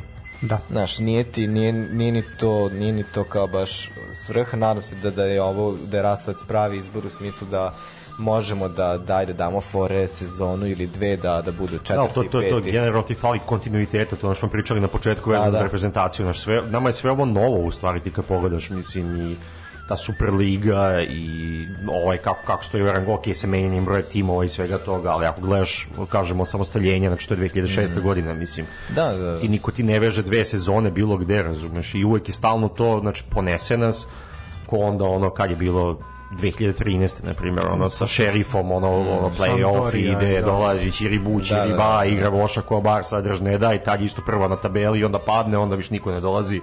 Znaš, fali ti, fali ti malo toga, fali ljudi Pa da, i što je, eto, kontradiktorno, kao što sam rekao da je ono Lalatović kontradiktorno blabetalo, pomenuli smo da on nema nikakav kontinuitet, a opet lik je ono trener koji je najviše, na najviše utakmica vodio Vojvodinu. Najviše pobede. I najviše pobjeda da. stvario. Mislim, znaš, ono kao, totalno je ono... I vodit će još, sigurno da će on vraćati još ono dva tri puta do kraja njegove Pa, to, karijere. to, to ja verujem. I mislim, ono kao, vi, bit će zanimljivo definitivno to, ono, videti, pratiti. Ono što opet. mene rade najviše. Da, da, da, da. Ali da, a, kako se tebi čini Vojvodina i sad ajde Strika je dao neko svoje mišljenje, kako tebi sad neko ko eto, ovaj, posećuje ne toliko redovno da kaže. Pa ne, kažete, ja sam gledao ovu polusezonu, dve utakmice sam gledao uživo i pogledao sam preko TV-a možda dve ili tri utakmice. Ali ta atmosfera kad odeš, znači pazi, ipak te nešto privuklo da odeš. Pa ne, ja odem, ja sam išao, išao ono, ne znam, u zadnje vreme išao sam i taj pane veži da gledam, mislim, nije mi bilo bitno, ono, koji igra jedno svako mi dan da bi se da igra utakmice, ću ti ići pa ću gledati s kim god da igra, razumeš, ali ono što je problem, i to smo pričali isto bili, meni se atmosfera generalno ne sviđa i, i mislim da je, bez obzira, na primjer, protiv Spartaka je bilo lepo, bila je lepa atmosfera i završeno 1-1 i Vojvodina trebala da dobije realno, ali bilo je kako da kažem, bilo optimizma, ljudi su realni bili ovde. Sad smo ti ja pričali kad smo dolazili sad protiv radničkog, prvo malo je ljudi bilo, ali opet kažemo, loše vreme, Da, ima puno produženi vikend, da. sve razumem. U kom je to bio 10. 13. 14. minut, ona, onaj penal što je dosuđen za Vojvodinu pa je poništen. Mislim, ja sam sa istoka, a nisam baš odro od nekog lepog vida, video da to nije penal, mislim. Ali ti, ti ljudi koji su skočili, ta cela atmosfera, ono kad je poništio, to, to, to, znaš, dosta je seljački, kako ti kažem, ono, i to sam ti rekao, i to forsiranje ograde, to stajanje na ogradi, to me isto jako nervira, razumeš, ono, ne znam zašto me nervira i to, mislim, ra- radnički je došao da izvuče bod. Radnički u 15. minutu golman je ono naš čistio kopačke o stativu i stezao se, razumeš, bio i to. I ok, Vojvodina povede 2-0, realno treba da još dva gola, prima gol 2-1 je 3 minuta do 4 do kraja i sad ceo stadion viče na Vojvodinu da se, znaš, ono, da simuliraju, da Samo da troše se vreme, mislim, kako ti kažem, mislim, ono, nije zdravo, razumeš, i sviranje kraj, zadnja utakmica je u polusezoni, ide psovanje, šta ste ovo, pičke, niste smeli, treba da uradite ovo, nemam pojma, kažete isto u jednom momentu, ono, pa bili smo, ono, 12.44 sa ovima iz radnički versus, u stvari zajedno Fico, da. ovaj, Zemun, navijači, on, Kosovo, Srbija, Kosovo, Srbija, mislim. Pa imali smo ono postrojavanje igrača pred, Bilo je pred to, firmašima, bilo je to. bilo je to, mislim, to mi je... Po ove sezone su svi postrojavali, nema kluba da, nije postrojavao, da, svi su postrojavali. Ali Ovaj. kažeš ti, znaš, to je stalno, to, to ono što, što kako ti kažeš, što ja nisam optimističan zato što stoti put gledam ovo, razumeš, da. što ti je kao stoti put kult reprezentacije, ponovno uspostavljanje, sad ćemo svi zajedno, mislim, Da, prosto sebe, oh, shvatam šta hoćeš da kažeš, prosto sebe već malo štitimo od tog nekog razočarenja koje može da nastupi. Znaš, Ali nije, ali znaš, i postaviš se, znaš, ono, nisi više nešto, nešto, ono, 20 godina, jevi ga, kako ti kažem, Da. znači, ja idem da gledam, što mi se gleda utakmica. I meni, bi, to smo isto pričali, teren je loš. Do, to. Infrastruktura je očajna, igrači nisu baš nekog kvaliteta i to, ali brate nije bitno, meni oni meni su bili super protiv radničkog, razumeš, mislim, prvo poluvreme su bili loše, drugo poluvreme su bili bolje, ali su čini se su imali želju oba poluvremena. Imaju oni želju tokom Imaju cele to, sezone, cele to sezone. ja ne mogu da se sporno, ljutim na njih zato što oni ne znaju i zato što im nije dan i zato što Da, nisu što su dovoljno ograničeni, kvalitetni, da, da, razumeš, okej. mislim, tako je kako je, razumeš, brate, ne mogu svi biti prvi, razumeš, neko mora biti i sedmi, mislim. Ali ako voliš to da odeš da pogledaš, ako ti znači kao to je tvoj lokalni klub, sešćeš, kupio sam ono semenke, pogledsko sam semenke, pogledao sam utakmicu, smrzao sam se, Da. otišao sam na noćni bazar vam, ovaj, na, na italijanskoj pijaci, pogledao sam kobasicu, popio jedno pivo, otišao kući i meni... tamburaše. I sluša tamburaše. Tamburaše, da. Mada bile neki pesama koje ne smeju da sviraju u ovom gradu, ali Šta je bilo kod? pa mislim od jednog autora ovde iz Novog Sada, pokojnog, nažalost. Ovaj, A, zbog, misliš, zbog uh, Pa, zbog autorske prava. da, da, da. Ali mislim, bilo je okej, znaš, dobar, znaš, Jer sme da se pomene naziv. ne, ja, ja ne bih smeo da nema, nemoj, nemamo para ni za emisiju, a ne za... A ne za Nemoj, drugo. treba 175 dinara da vadim sada plaćam. Nemoj, znači, ova emisija posle Ali sa kažem ti, godina. dobar je osjećaj, znaš, otišao sa sortakom koji ono, živi u inostranstvu, došao je sad tu je mesec dana, pogledali smo utakmicu, smrdli smo se, otišao sam, pojeo sam kobasicu, popio sam pivo, u pola 12 sam bio kući i meni lepo, razumeš? I meni nije bitno i da je dva Život čine završena. male stvari. Pa jeste. Ovo, znaš, ovo je jedan novosadski dan. Ovo što je on ispričao, to je Preš to. čitao dnevnik, samo me to zanima. Da viš ko je umro, samo me to je A, zanima. a pazi, samo ću ti Ja reći, vodim podcast mojim dedom od a pazi, samo ću ti reći da novine sam ponao naroda da sednem za podgucu, mađar sos sam kupio. Bio. Ovo je, ovo je provokacija sad već ovo Pre, ne, je pre toga je bio u, u forumu na ručku, ono. Ono.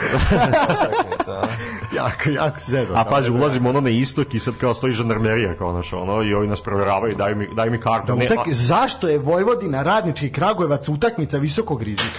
E ja bih volio da mi to neko Pa objasni. kao zbog Zemunaca što će doći. Ma da, ja, otko, za nemam pojma, razumeš. gluposti, znači, I ja sad kao stavim i one pretrese, imam u džepu od jakne, imam maramice i vlažne maramice, drugo imam ono kao upaljač i pljugi i ključevi.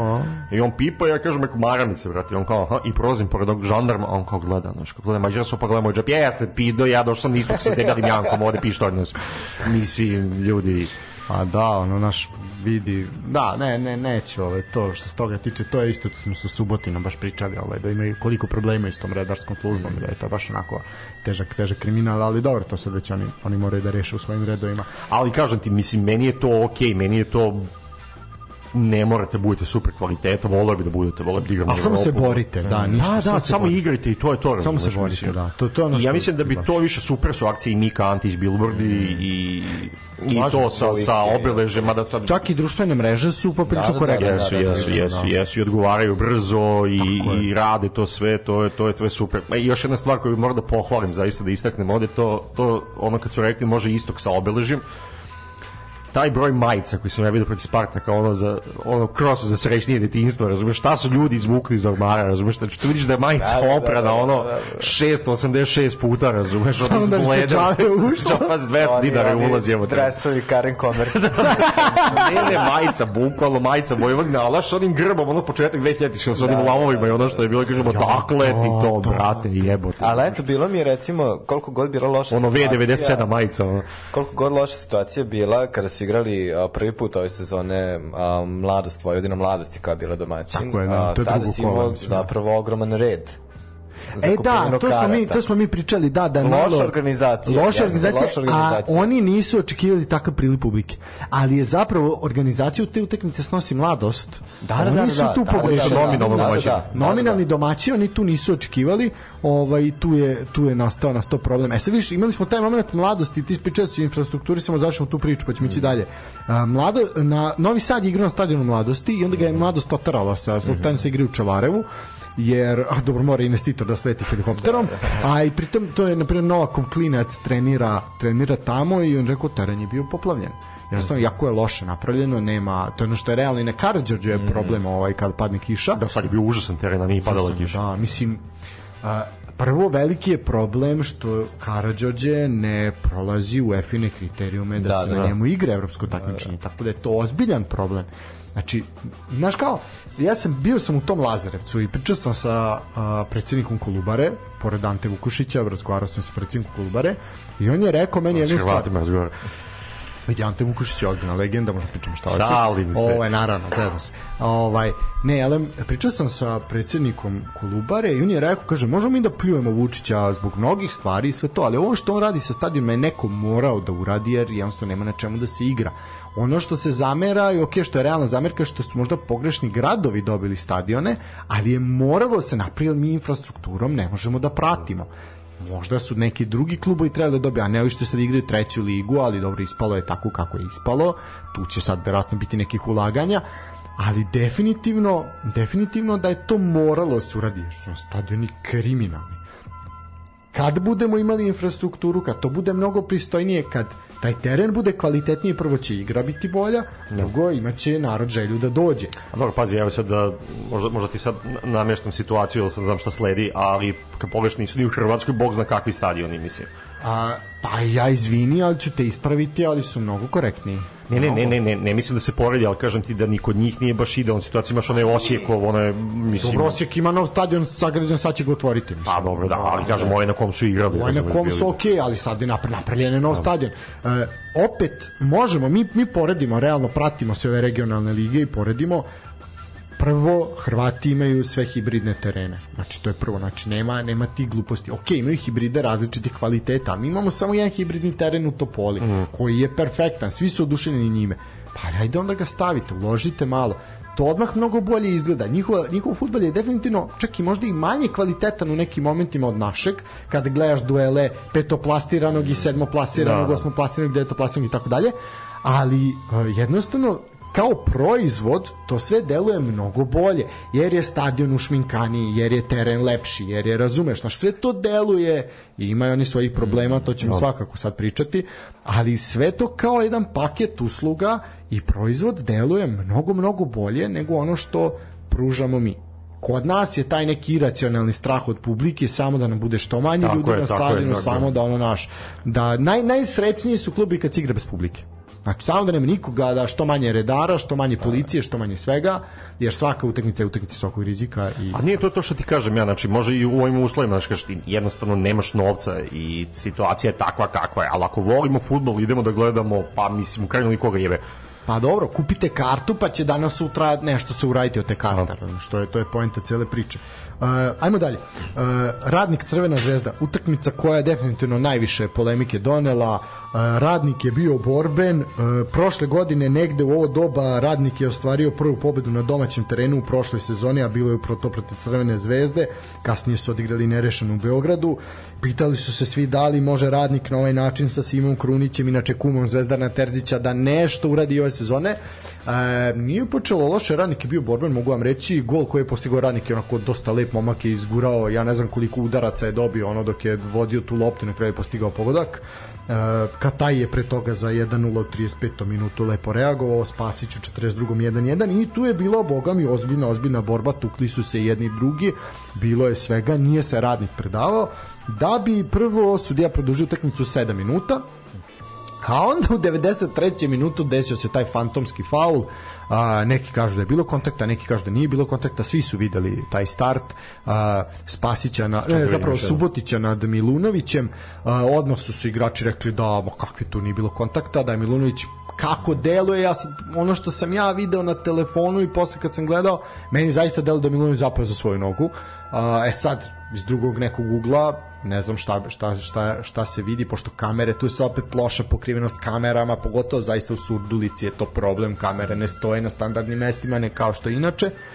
Kako i to? Jel Bio faul, nije bilo faul, digla se frka ka taj posle postigao pogodak iz tog slobodnjaka i ono kao još dodatno zagorčao sve. Pa, mislim, ono što sam ja vidio na tom snimku, meni apsolutno ne deluje kao da je bio faul. No, čovjek je zapao svoj nogu. Ali pazi, u sekundi, onako, prvo on je, za- on je hteo pucao ka golu. Da, da, da, Je spektakularna Da, da, da. lopta otišla ono, totalno njemu iza leđa. I ono kao, kako se setniš da padneš i da izglumiš u tom momentu? Kao, kako si toliko utreniran da ti u tu sekundi to prvo na pameti? Pa uče ih od malih nogu to da radi, mislim. Znači, da, ono, kao italijani na treningu, ono, učimo da padamo. To je prvo što uče, mislim. Pa, da, Ja sam sad pogledao ponovo, mislim, meni ovo deluje na auto faul koji ja mal mal pa napravim na našem terminu. Kad sam mi se- radimo na terminu. Sam sebe fauliram, pa ono, mali potres mozga dobijem svaki put, razumeš, mislim, ali meni, znaš, nemam pojma. Mislim, u najmanju ruku, ono, žuti karton, brate, da dobiješ, ono, i to je to. A dobro, ali ovo se ne gleda na varu, ne može li van bilo i to sve, jel tako? A zapravo je gledao var. Gledao je za ovo? Ja mislim da je gledao, koliko se ja sad nešto sećam, bar ti kažem, nisi gledao sam na telefonu, ali ja mislim da je gledao. Ili je gledao za nešto drugo, sad već ono više nas puno glava svega. A, sve u svemu dao, mislim da je gledao, jeste Ne, gledao. nemoj biti kivan, na naš, zato što Ne, ti sad ne, ne, ne, ne, ne, gledao je, gledao je i dao je ovome, ali dao je ovome žuti karton, igraču je dao žuti karton i ovo je posle pogodio. Zato što je tipa u 92. je bio faul tek minut i po posle se nešto izvelo, mislim svega je to bilo. Uh, saopštenje igrača, prvi put imamo saopštenje igrača, to do sad nismo imali, ono, svi su dali saopštenje na igrači, nisu da su kolektiv igrača, radnika iz Surdulice dao saopštenje i rekao da je Milunović govno, kako može da laže, da je, da je bio faul kad nije bio. Tako da, zaista I neka ga bude i sramota. neka ga bude sramota. Uh, Ako srama ima. Da, i onda znaš ono, a pazi, moment, a pa najidealnije mesto gde u tom trenutku kad se tako nešto dešava, ti poželiš da budeš je Partizanov istok. Da. Jer onda kreću teorije zavere, ljudi moji. Znate vi koliko je ono dobro. Znači, kako se to kaže on, Ma oni bre sve namešte, a nije što oni da sad ih hoće nameste 5-0, nego da nam pokažu koliko mogu da nameste, koliko su bahati i koliko im ne možemo ništa. Tako da je bilo jako dobrih momenta, jako dobrih teorija zavere. E, A dobro, prvo, je li bilo za 8 minuta? Pa nije, nije bilo baš za sve. šta je 8 minuta? Mislim, ja pretpostavljam da su Grčevi krenuli da Ne, vataju bilo je 80. faulova, padanja, ali na šta, možete se nešto priznati e, od tih realno 7 minuta koliko je on produžio, realno su pola vremena su igrači Surdulice ležali na terenu, pa Da, da. ne znam ko je tamo 15 sad ne znam ko je broj 15 je ležao, jedno četiri puta je ono padao na, na zemlju i posle nikakvih A stavova. dobro, pa se treba da očekuješ, mislim, radnik igra protiv šampiona, mislim, normalno će Pazi, a simulirati. prošle godine su ih pobedili Da, da, da. jedan put i vamo i u kupu je bilo nezgodno i mislim sve je bilo to na, na nož, tako da bilo je za očekivati da će biti, jer nije radnik nešto puno menjao, menjao samo ekipu. Tako da sve u svemu Zvezda se muči, Zvezda se muči cele sezone, sve su to te neke pobede u 97 minutima koje su onako stalo na granici neke regularnosti I onda desiš, desi se da budeš četvrti u grupi u Ligi Evrope, da ne odeš ni u Ligi konferencije, zato što ti realno fale takmičarske utakmice, jer ovo nije bila takmičarska utakmica, ovo je delovalo na jedan termin koji su eto ovi dobili ono jednostavno. Da, ali to naš ono kao problem, eto, imaju sada 10 bodova prednosti, odnosno na Partizan i kao prvo je jadno kad imaš na polu sezoni prilično jasno kao ko će biti šampion, mislim, jadno je kad imaš već u prvom kolu više manje ideju ko će biti šampion, ali jednostavno kao nije dobro za futbal, mislim, da, da, da ti imaš ono, ne znam, koliko već sezona zaredom da je Zvezda prvak. Da, da sad se će dovodi u biti, pitanje sad uopšte, će biti, ovo će biti peta. Pa peta sezona. Razumeš kao prosto ono ne, ne, ne čak ni u tom kontekstu kao dovodi su pitanje, ne znam, regularnost ili šta već, nego jednostavno iz tog ono kao takmičarskog ugla kada posmatraš nije zanimljivo, brate. Neću, znaš, ono kao ne pratiti se onda. A nije šta je meni najgore u cijeloj toj priči, mislim da ste vi to spominjali bili u sportskom pozdravu ono letos, uh, kad je odložena utakmica sa Vojvodinom. Da, ono, da, da, da, da. Oni sad igrali protiv koga beš iz Jermenije, ko je bio? A sa Pjunikom. Pijunikom, da. Da, ono, Feniksom. e, pet- 5-0 si pobedio, do, u Beogradu na i ti sad da. odlažeš kolo sa Vojvodinom da kao ideš na derbi, revanš. da, koji treba da gori sve, ali to je, vidi, a sad u nešto... interesu našeg ja mislim ja uopšte ne mislim da to u interesu našeg fudbala Pa nije u interesu je Crvene zvezde, ali ili Partizana ili sve jedno kome god sutra se u namešta tom momentu se nešto dešavalo isto i mi smo u HNL-u pričali o Hrvatskoj ligi, u, isto tako su imali i Hajduk i Hajduk je trebao da igra protiv Vilja Reala, Dinamo je sad ne znam I igraju Hajduk Dinamo igraju Hajduk Dinamo oni nisu odložili. znači je. nećemo da pokažemo, znači mi smo ozbiljan evropski klub Dinamo, mi smo ozbiljan evropski klub, mi, mi imamo 50 igrača u rosteru ko što ima Crvena zvezda. Znači mi ćemo da možemo da igramo i sredom i nedeljom. Tako i onda tu onda degradiraš prvenstvo, degradiraš kup, odlažeš kup utakmice, pa kao igraćemo na proleć, pa nemojte ni igrati, ajde da vas provedemo u finale odma i koga mislim ono. Znaš, to, to, je, to je definitivno problem. Pri to što se ubila draž, jer se na kraju igralo ono u nekom bez veze ono da, terminu Jeste, jeste. krajem I Vojvodine oktobra van forme, tad je bilo, sve. tad je bilo zanimljivo. Tad je bilo zanimljivo vidjeti jer u tom naletu i svežini i svemu šta će biti. Ja pretpostavljam da je siguran sam da bi bio drugačiji rezultat. Ali dobro, mislim pazi, nije ni tada Zvezda sad u 19. oktobra kad se igralo, nije ovaj nije tu Zvezda tako lako prošla, ali ajde. Sve u svemu definitivno da je utisak da bez obzira što Zvezda ima 10 bodova prednosti, Um, nema tu nekog da sad kaže da oni melju, da sad je to nešto Nije, oni su bukvalno do onoga Makabija su igrali i tu su stali, tu su prestali da igraju na onom prvom poluvremenu, ono kad da. primio nego, to je, to je bio kraj njihov. Duše nema ni trenera, ali ali sad... Pa to je veoma isto diskutabilno, mislim da da li koliko njegov kvalitet je negde nesporan, ali izgleda da on nema podršku zapravo i da je tu slačionica manje više problema, a on je Pa dobro, mladi. Stanković je bio isto, mislim. Pa dobro, eto, veliki mister sad je ono ko dobio otkaz u Sampdori. Ja ono, dobio? kao, Pa mislim da jeste danas, da, da, Da, da. nisam I oni su siguran, učešće ali preko su- leća, 2:0. Pa ne, mislim, to pokazalo se kakav je trener, tako da o tome ne, neću pričati, on možda bude trener kod nas i nigde više, mislim, ono, da se zaleće, ono, i tamo je pravio, ono, gluposti isto, zaletao se na igrače, i, mislim, budalaštine. Ovaj, tako da je, ono, zvezda, eto, kila u Evropi, mogu reći da je to kila u prvenstvu, ali bit će prvaci, to je jasno svima, ali pitanje je samo gde to vodi i bojim se da ćemo izgubiti taj koeficijent, izgubit ćemo to mesto u Evropi koje nam je koje nam zapravo Pa imaćemo jednu sezonu gde ćemo eto imati Pa kao i Hrvati u bolje i krajnjoj onda liniji, ćemo da. ono, Pa da. ispušiti. Da. Pa dobro, i to je normalno, mislim... Pazi, ovo po meni uspeh, mislim, ovo, ajde, pogledamo da je bilo pre 20 godina, jevi ga, mislim, No, no, da, smo to došli da, sad, to mislim. da, da, da. Samo ja se molim tome da imamo tri kluba u Evropi da se to nešto nešto uradi. E, idemo dalje. E, Čukarički mladost Gat, to neću puno da pričam. Čuka je pobedila 2-0, konačno je Čukarički došao do pobede. Treba pohvaliti Viktora Rogana koji je momak na beku koji je fantastičnu utakmicu imao, dao je jedan gol, posle je učestvovao i u akciji kod posljednja drugog gola koji je Šunkica Ivanović ovaj gde Da, da, pa pogledaj mu nogu pa će biti jasno da. Ovaj zašto ga tako zovemo? E, Ivanović je postigao pogled za 2:0, Gat definitivno odlazi na odmor onako nije se očekivalo da Gat uzme bodove, borili se jesu, ali Čuka je ipak pokazala pokazala kvalitet, Čukarički i Gat imaju ozbiljan posao prelazu, prelaznom roku mora se, mora se to pojačati, mora se mnogo jače ući u drugi deo sezone, svako naravno sa svojim ciljevima. E, sad se dvomim da li da idem na Partizano i Pazar to je mnogo nacionalizma, to ćemo ostaviti za kraj, Voždovac Spartak ćemo kratko. E, 1-1 je bilo Spartak nakon pobjede protiv Partizana, Burmaz je dao prvi gol upravo prvi, prvi put posle te Vojvodine u septembru, zato sam rekao septembar jer je tada dao svoj posljednji gol za, u Superligi, mislim, to sad je ono, da, 13. novembra Uh, lep pogodak, uh, bio je jedan, ovde je VAR dosta reagovao i sudija je na kraju uspeo nekako da se iskobelja iz cele te situacije. Prvo je bio sviran penal za Spartak, pa je VAR vratio, pa nije bio penal, golman ipak nije oborio oborio ovaj na uh, igrača Sp- Voždovca. E, šta se onda da onda je bio penal za Spartak pa je Srećković pogodio prečku pa mu se lopta odbila nazad a četiri igrača Voždovca su pojurila ne ka lopti nego ka, ka gol liniji da ono telima životima brane dota ne uđe Srećković naravno prima loptu na grudi ubacuje naravno u prazan gol. I sudija poništava pogodak jer niko nije dirao, nije dirao ni golman, niko ni igrači, njemu se vratila i to je naravno to je indirektan udarac. Znači totalno, totalno ludilo i onda je uh, bio penal za za Voždovac gde je gde je ovaj Pantović postigao postigao gol za za 2:0 pre toga je Burmaz sa metar pogodio Manojlovića ono ja ne znam kako glavom ne znam kako to ono kao kad od mene napravi heroja na terminu ono ne pogodi lopta ovaj umesto mreže. Uh, tu je bilo nekog povlačenja tamo Šimura je na Sentoku a to je duel dva Japanca ovaj, jednog iz Subotice jednog iz Voždovca tu su se vukli. Uh, ovaj jedan pokušao makazice je meni kakav, znaš kakav pokušaj makazica mene presekla ovaj kič mu slomio razumeš?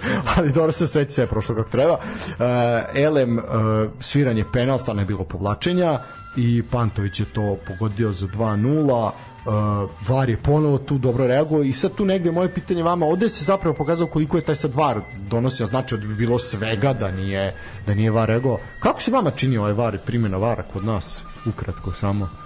Sad evo imao si ti tu situaciju bilo je na, na Karadžođu isto Pa, i... pazi, meni je, kako ti kažem, ja mislim da to dobro generalno za futbol i sad što ljudi pljuju kao, a pogledaj ovo, pogledaj, ok, ovo trajate već dve godine, ljudi, sačekajte malo, za sve treba vremena. Ali meni, sad prosto neverovatno da sudije ne vide neke stvari da se toliko oslanjaju na VAR. Čini mi se da u drugim ligama opet neću da po, poredim Premier ligu ili seriju A ili Bundesligu sa našom Superligom. Ali brate, malo dajte ono, nemojte se oslanjati za sve, znači da te gledate 100 puta, gledate VAR, mislim. Ono. Pa dobro i ne gleda se koliko bi mogao zapravo. Znaš, ja imam osjećaj da baš on kontre što bi rekao Del Boy, ovaj može to i malo Ne, ovo više. moje što, što sam ja gledao, Ovo ti da, bolje da, nego da, ti. da. Ovaj, mislim, utakmice se gleda uživo i utakmice se gleda na TV-u, meni se čini da, da se previše oslanjaju na to. Moj utisak bio. Ovo, ne, mo, mo, Da. dajem potpuno pravo da, da ja nisam u pravu. Pa ja nemam tako utisak, ja imam nekako čak da bi možda moglo, moglo to čak i malo više naš, jer ima, ima momenta kad se ne uključi, a trebao bi. Na primjer, imali smo tu situaciju prošlo kolo gde smo imali glavnog ženskog sudiju prvi put u istoriji Da, to ono u Superlige. Kragujevcu. U Kragujevcu, da, jako lep moment i devojka, žena, gospođa dama je to odradila savršeno i vidi, nije se libila, nije, naš, ima negdje imamo osjećaj da sudijama to vređa ego, znaš kao, sad ti meni da bolje kažeš da sam ja pogrešili vamo tamo, znaš kao, ali zapravo to je pomoć i olakšanje sudijama i negde to tako treba da se shvati. Devojka rekla, čekajte, idem da vidim, Da. znaš, ono kao sve, ok, sigurnije je sve. Malo je meni bez veze što i to, ali sad se to malo popravilo, moram da pohvalim. E, u uvodnim tim kolima mi gledaoci na televiziji ili televiziji ovaj nismo imali uvid šta se tačno gleda u varu. Da, da, da. Ali sad se to malo popravlja, naš malo je i Mislim da će režija. se popravljati sve generalno, mislim, Pa, da, i oni će biti uhodani i, i mislim, kao opet kažem, to je staro dve godine, tako da je tako koliko? Pa recimo da malo. Pa, da. znači. Kod nas Kod, je, na, da, kod, mislim da kod nas. da, da, da, da, da. Tako da, ono, ajde. Jel to ima, mi smo se sad smejali bili protiv, protiv radničkog ujela. Ima gol tehnologija kod nas, ja mislim da nema. Nema. To treba nešto sto nekih kamera da bude. A, zapravo ne idu neki senzori. Na primjer u rukometu je bila gol tehnologija, kako može u rukometu, može u fudbal. Samo što, a znaš kako to funkcioniše? A, oni ponude paket usluga, znači koliko sad visok paket, onda sve šta je uključeno u paket. Da, da. E sad, mi smo kupili taj osnovni paket vare, jer... Šta će s nama, dobro je nama Ne, i šta ovo. fora? Mi nemamo Šta ste ti kanali bez veze, to e, niko ne gleda. toliku, toliku pokrivenost kamerama Da, pa ne znam. i onda je tu problem. Jer ti da bi imao više, iz više uglova, samim tim više kamera, više Ne znam, svega, pitam, da, ne znam kako to A, funkcioniše. u- to ide u, u većem paketu. Da, da. Mi, mi nemamo taj paket i jednostavno je tako. Dobro je ovo čuti. Pomerao se, ajde kao nešto se kutrlja.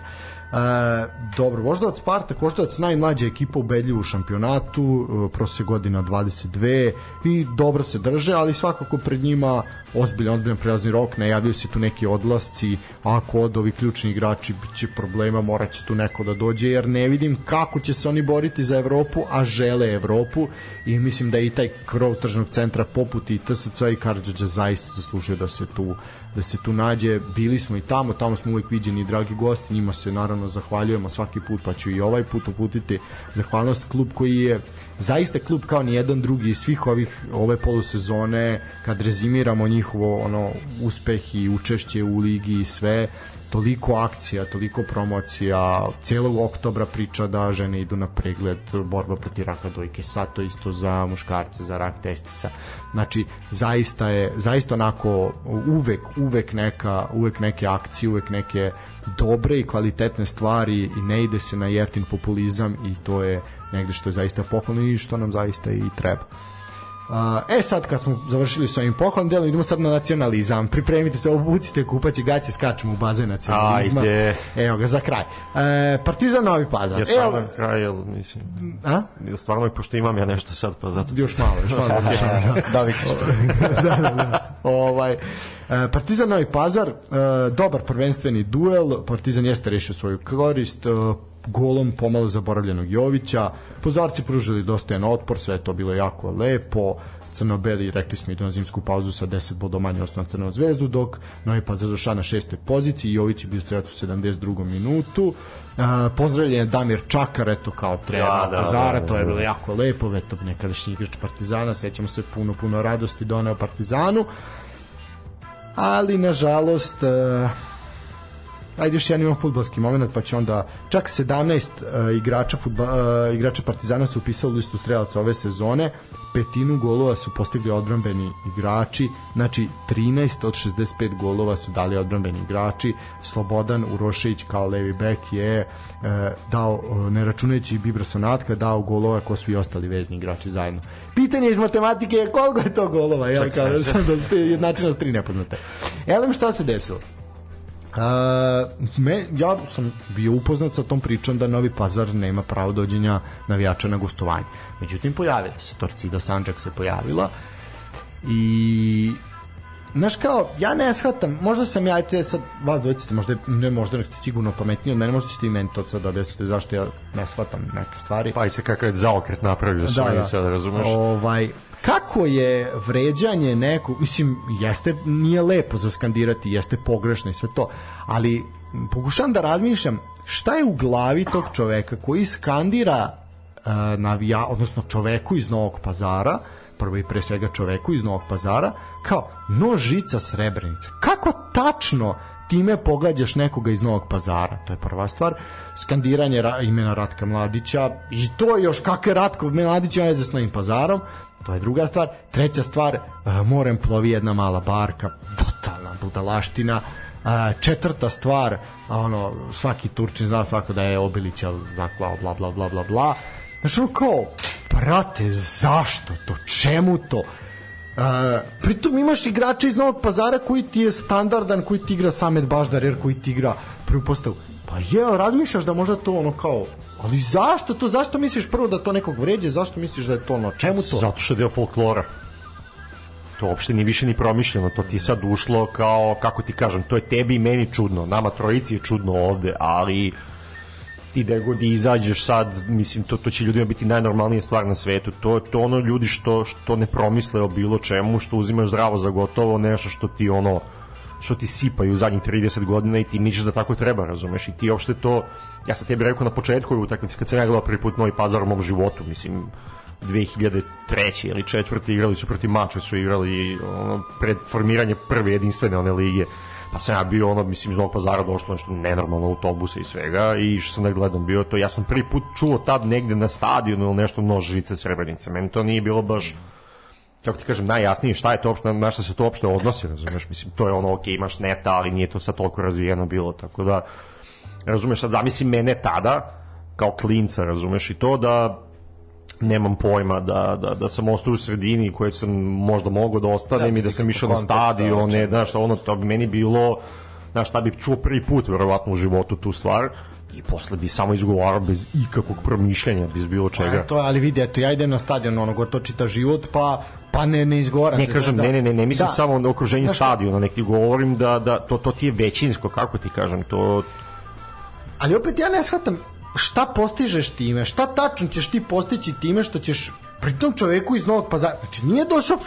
Srebrenica, pa sad kao ajde. a dobro, kao bošnjačka linija, pa sad ti kao misliš da će to njih uvrediti, Pa mislim, je ono antimuslimanski. Element u teško. suštini. Ne, ti ćeš biti anti bilo šta, ti se sećaš da mi smo imali užasan problem na stadionima do pre 7-8 godina koliko je već zviždanje protivničkoj himni, to je ono, to mislim... da, da. tebi- Pa imao si tebi taj to- moment Vojvodine i Partizana kad se prekidala utakmica Da, zbog da, one da, da. pesme, jel, pola ovo, pola Tebi ono. dođe- Što je idiotizam teške vrste. recimo. Tebi dođe Kazahstan, ti zviždiš himni Kazahstana, mislim, to je zviždanje radi zviždanja, to niko nije, to ti kažem, to ti je situacija koju to niko nije promislio, kažeš, čekaj, evo, što ja zviždim himni Kazahstana, razumiješ? Da šta je meni Kazahstan uradio da, da ono... Ok, ja ne bi, ja ne bi zviždao ni jednoj, ali, što ja pre svega dobar čovjek, ali, o, ali, znaš, ali, ok, da te kao razumem po znacima navoda da sad zvizdiš, ne znam, Hrvatsko ili... Pa ni to, ali ajde kao Ne da, kažem da, po znacima da, navoda te da. razumem, imaš kao neki background zbog koga to radiš, razumeš, ali Kazakstan, mislim, čem pričamo mi? To ono naši, ono tamo, sećaš ono, kad je to bilo isto, sad digresiju, digresiju pravim, ali staću s ovim zaista.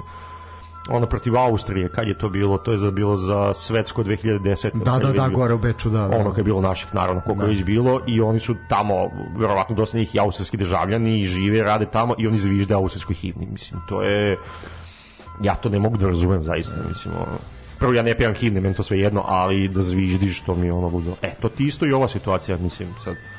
Pa ne, mislim isto na kraju krajeva, ono kao po nekom bontonu ili šta već, posle himne se ne aplaudira.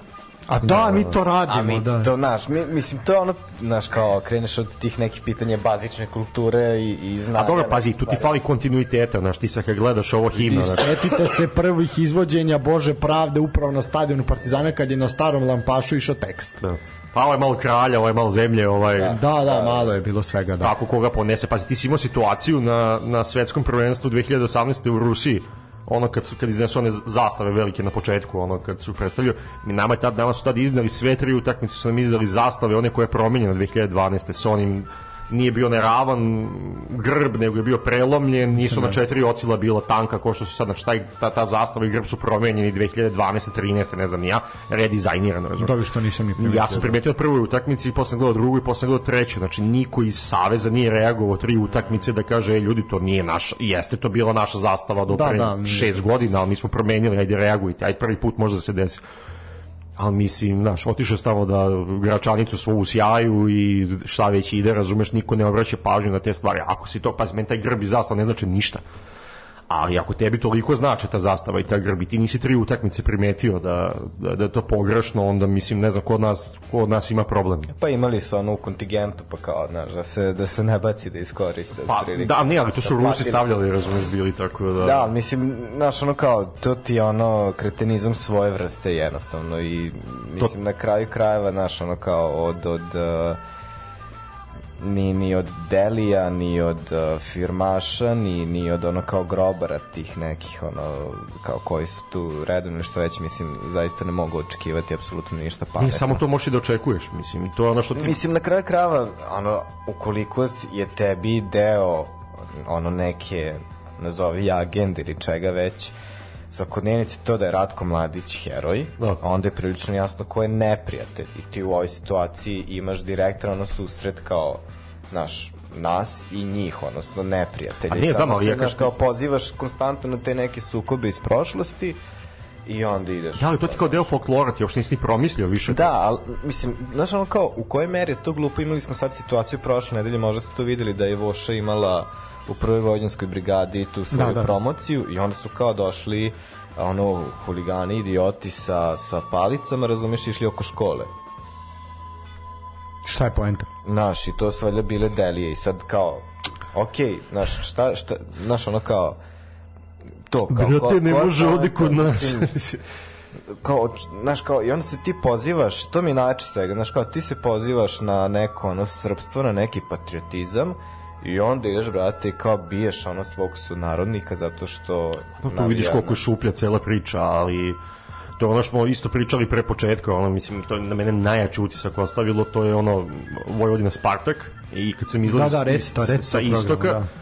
i čujem firmu kako firma skandira Da, da. i ono što čujem prosto ne mogu da verujem da čujem to i zastanem i firma skandira marincima mađarske pičke Pa da. Da, mislim, ne I ja kažem da. ortaku, ovo je pun krug napravljen, razumeš? Jer ja ne znam, sad, znaš, koliko znam, koliko se sjećam, koliko mi učite, nije bitno, razumeš? Ti imaš u knjizi moja engleska koju možete kupiti povoljno na sajtu jest.rs, gde zgro piše i kaže kako su 90-ih ono zgro koji je groba, razumeš, ali isto priča ide prati, prati Vojvodinu i to i dolaze navijači Zvezde, Partizana koji skandiraju firmi i navijačima Vojvodine generalno, mađarske pičke i njihov fazon je bio da izvade zastavu mađarske na kome je u sredini grb fudbalskog kluba Vojvodina i da viču hojra hojra piroši napred napred crveni. Da, da. I ti si od toga od hojra hojra piroši od punk super fazona za jebancije E, moment, samo pre nego što poentiraš, imali ste to skandiranje ove isto mađarske pičke, a ovi su skandirali treba će vam pasoš. Da. Što je isto po meni da, top da, fazon. su vrhunski To je top fazon, da. I ti si od toga došao da ti marincima iz Subotice vičeš mađarske pičke.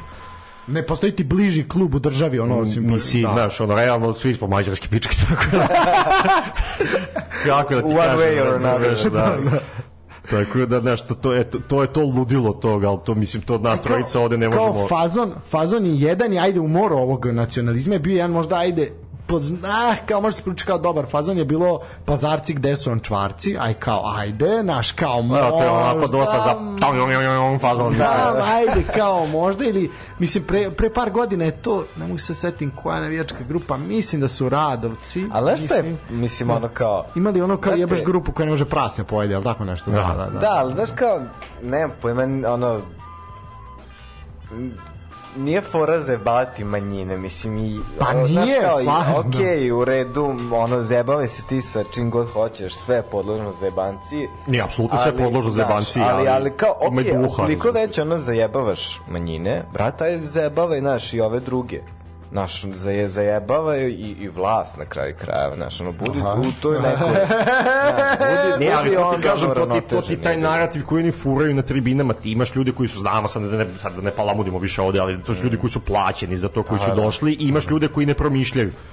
I koji idu u to, znaš, meni se taj Pelcer nikad nije primio, duše nešto nisam specijalno išao na stadion, kao navijanje, navijanje, meni se to nikad nije primio, taj, taj, meni se generalno zajedništvo nikad nije primilo, ali o, o, Socijalizacija kao pa takva, da. sve je to počelo, mislim, sada ne pričam, ali ove, meni generalno to pevanje, pa sad ja tu pa me nosi i to, mislim, nekako ja bi radi s cigarom stavio sa strane, razumeš, ali ja razumem ljude koji, koji se lože na to i to je zaista lepo, razumeš i to, ali kako ti kažem, ti sad teško to možda promeniš, jer je sve postalo, razumeš. Rekao, rekao sam ti sad isto ono Vojvodina, radnički, stoti put spominjem, ali eto i to je bilo. Onda ono zovu ove đavole i ove zemunce koji su bili na jugu, pa da se jave i onda ide Kosovo, Srbija, Kosovo, da, Srbija, jebote više, mislim sto puta, ono. Pa vidi, znaš kao moment gde, mislim, ja sam kao i od ono, mnogih klinaca i sve on kao, ajde, išao, jel te to sve negde privlači i ono kao odeš, bio sam na tom jugu i gledao i navijao i sve to stoji i moment kad sam ja sa sebe stavio prst na čelo i zapitao se šta je ovde radim i kad je počelo vređanje aj, navijača budućnosti iz Podgorice kao jebote jedina država s kojom si dobar ono šta i diraš sad tu ono bilo je dobrih fazona ono tipa jel se vraćate kući ili idete u menzu i Da, tako da, nešto da. bilo je to baš kao Da, okej to je okej. to je okej Da. to je dobar fazon Ali, brate, ono, zašto? Ja sam tad rekao, ok, ja više neću budem nikad deo ovoga i sklonit ću se. E sad, imali smo taj moment da se sad tu opet nešto dešava, prvi put posle ja, zaista ne mogu se setim koliko godina, a bilo je toga, ne može se reći da nije, da Jug skandira ponovo protiv predsednika. Ju naopak, nije valjda. Da, da, to je posle dugo, dugo godina nismo imali, čak šta više, mi smo bili vinovnice, pričali smo o tome ko sad prati sportski pozdrav, znamo da smo bili onako Ovo da su ovo nas ultimativni test sad. Ovo je ultimativni test, sećate se da smo, ono, ja prvi sam završio na atletskoj tribini kad je krenulo na ovoj evropskoj utakmici prošle godine, kad su krenuli da preskaču i da šamaraju i da tuku, kako je krenuo stampedo, ono, uvatio neko dete i ono, trči, beži da ono, ne dobije to dete po glavi, ajde ja manje više. Ovaj, tako da, mislim, usro sam se iza sebe da sad ne lažem, ali sve sve da.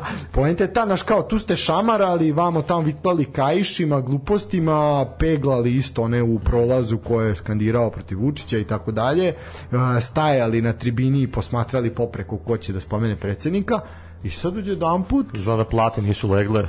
Eto, izgleda da plata nije legla i, znaš kao, mi svi onako kao gledamo i sad ja gledam, čekam sad, ovo je neka, ovo nas navlače. Ovo Da, nas da, da, navlače, da vide, neće, neće, neću pasti na provokaciju.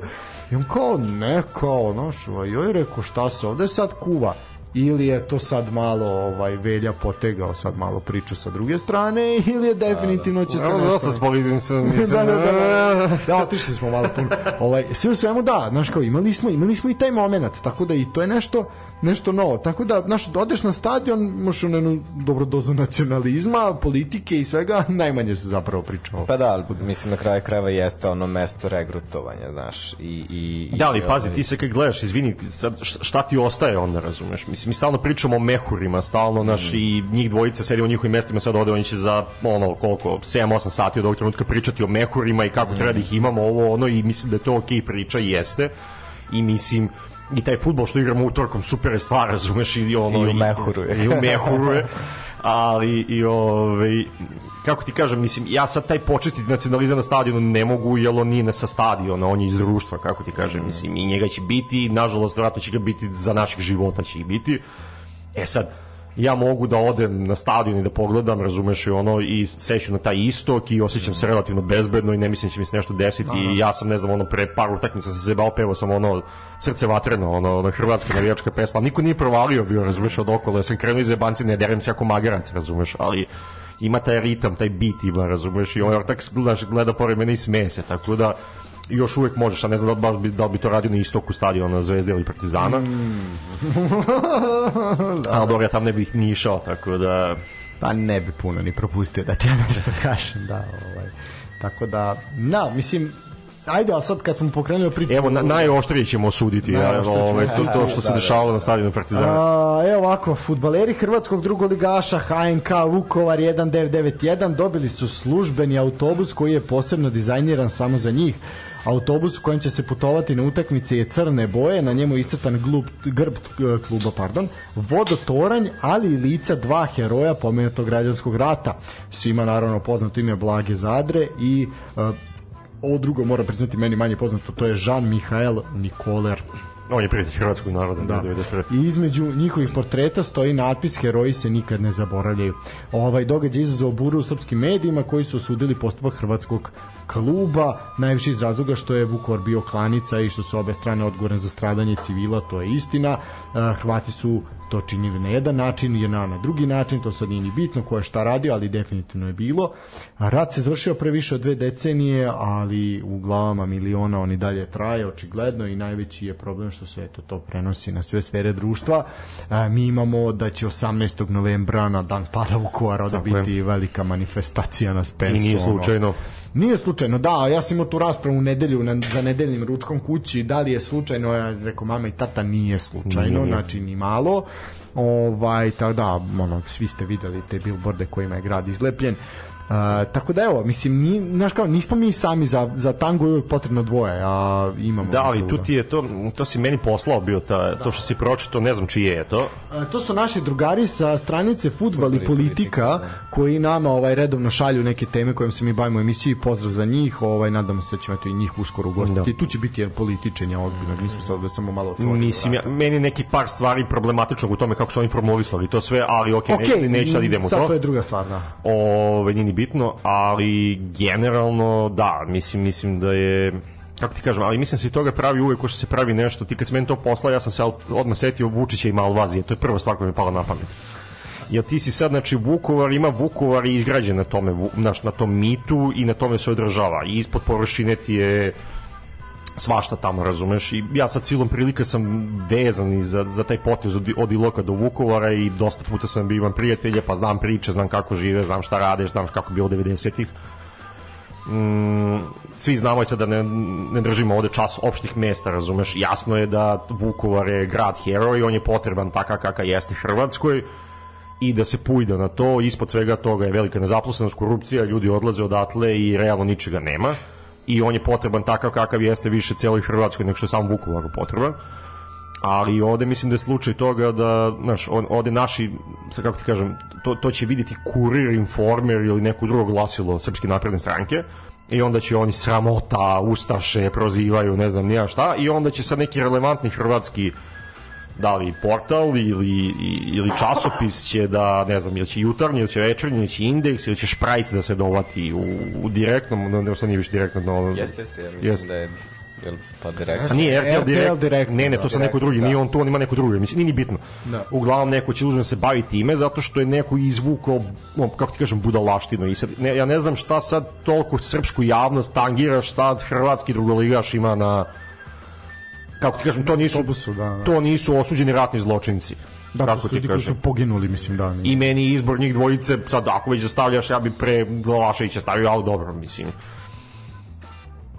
Dru, druga stvar, znači biraj šta ćeš staviš, nije bitno, razumeš, a to ti kao primer Malvazije, razumeš, kad Vučić ono prošle godine izjavi i kaže nema ni jedno kao hrvatsko vino kao što je naše, kao na primjer Malvazija ni nikakva i onda se javljaju udruge iz Istre koje proizvode Malvaziju, pa ovi pišu, pa oni pišu, znači, kako ti kažem, idiot je napravio nešto zbog sebe da kaže i ti si sad digo dževu tri dana oko toga, mislim, potpuno bespotrebno.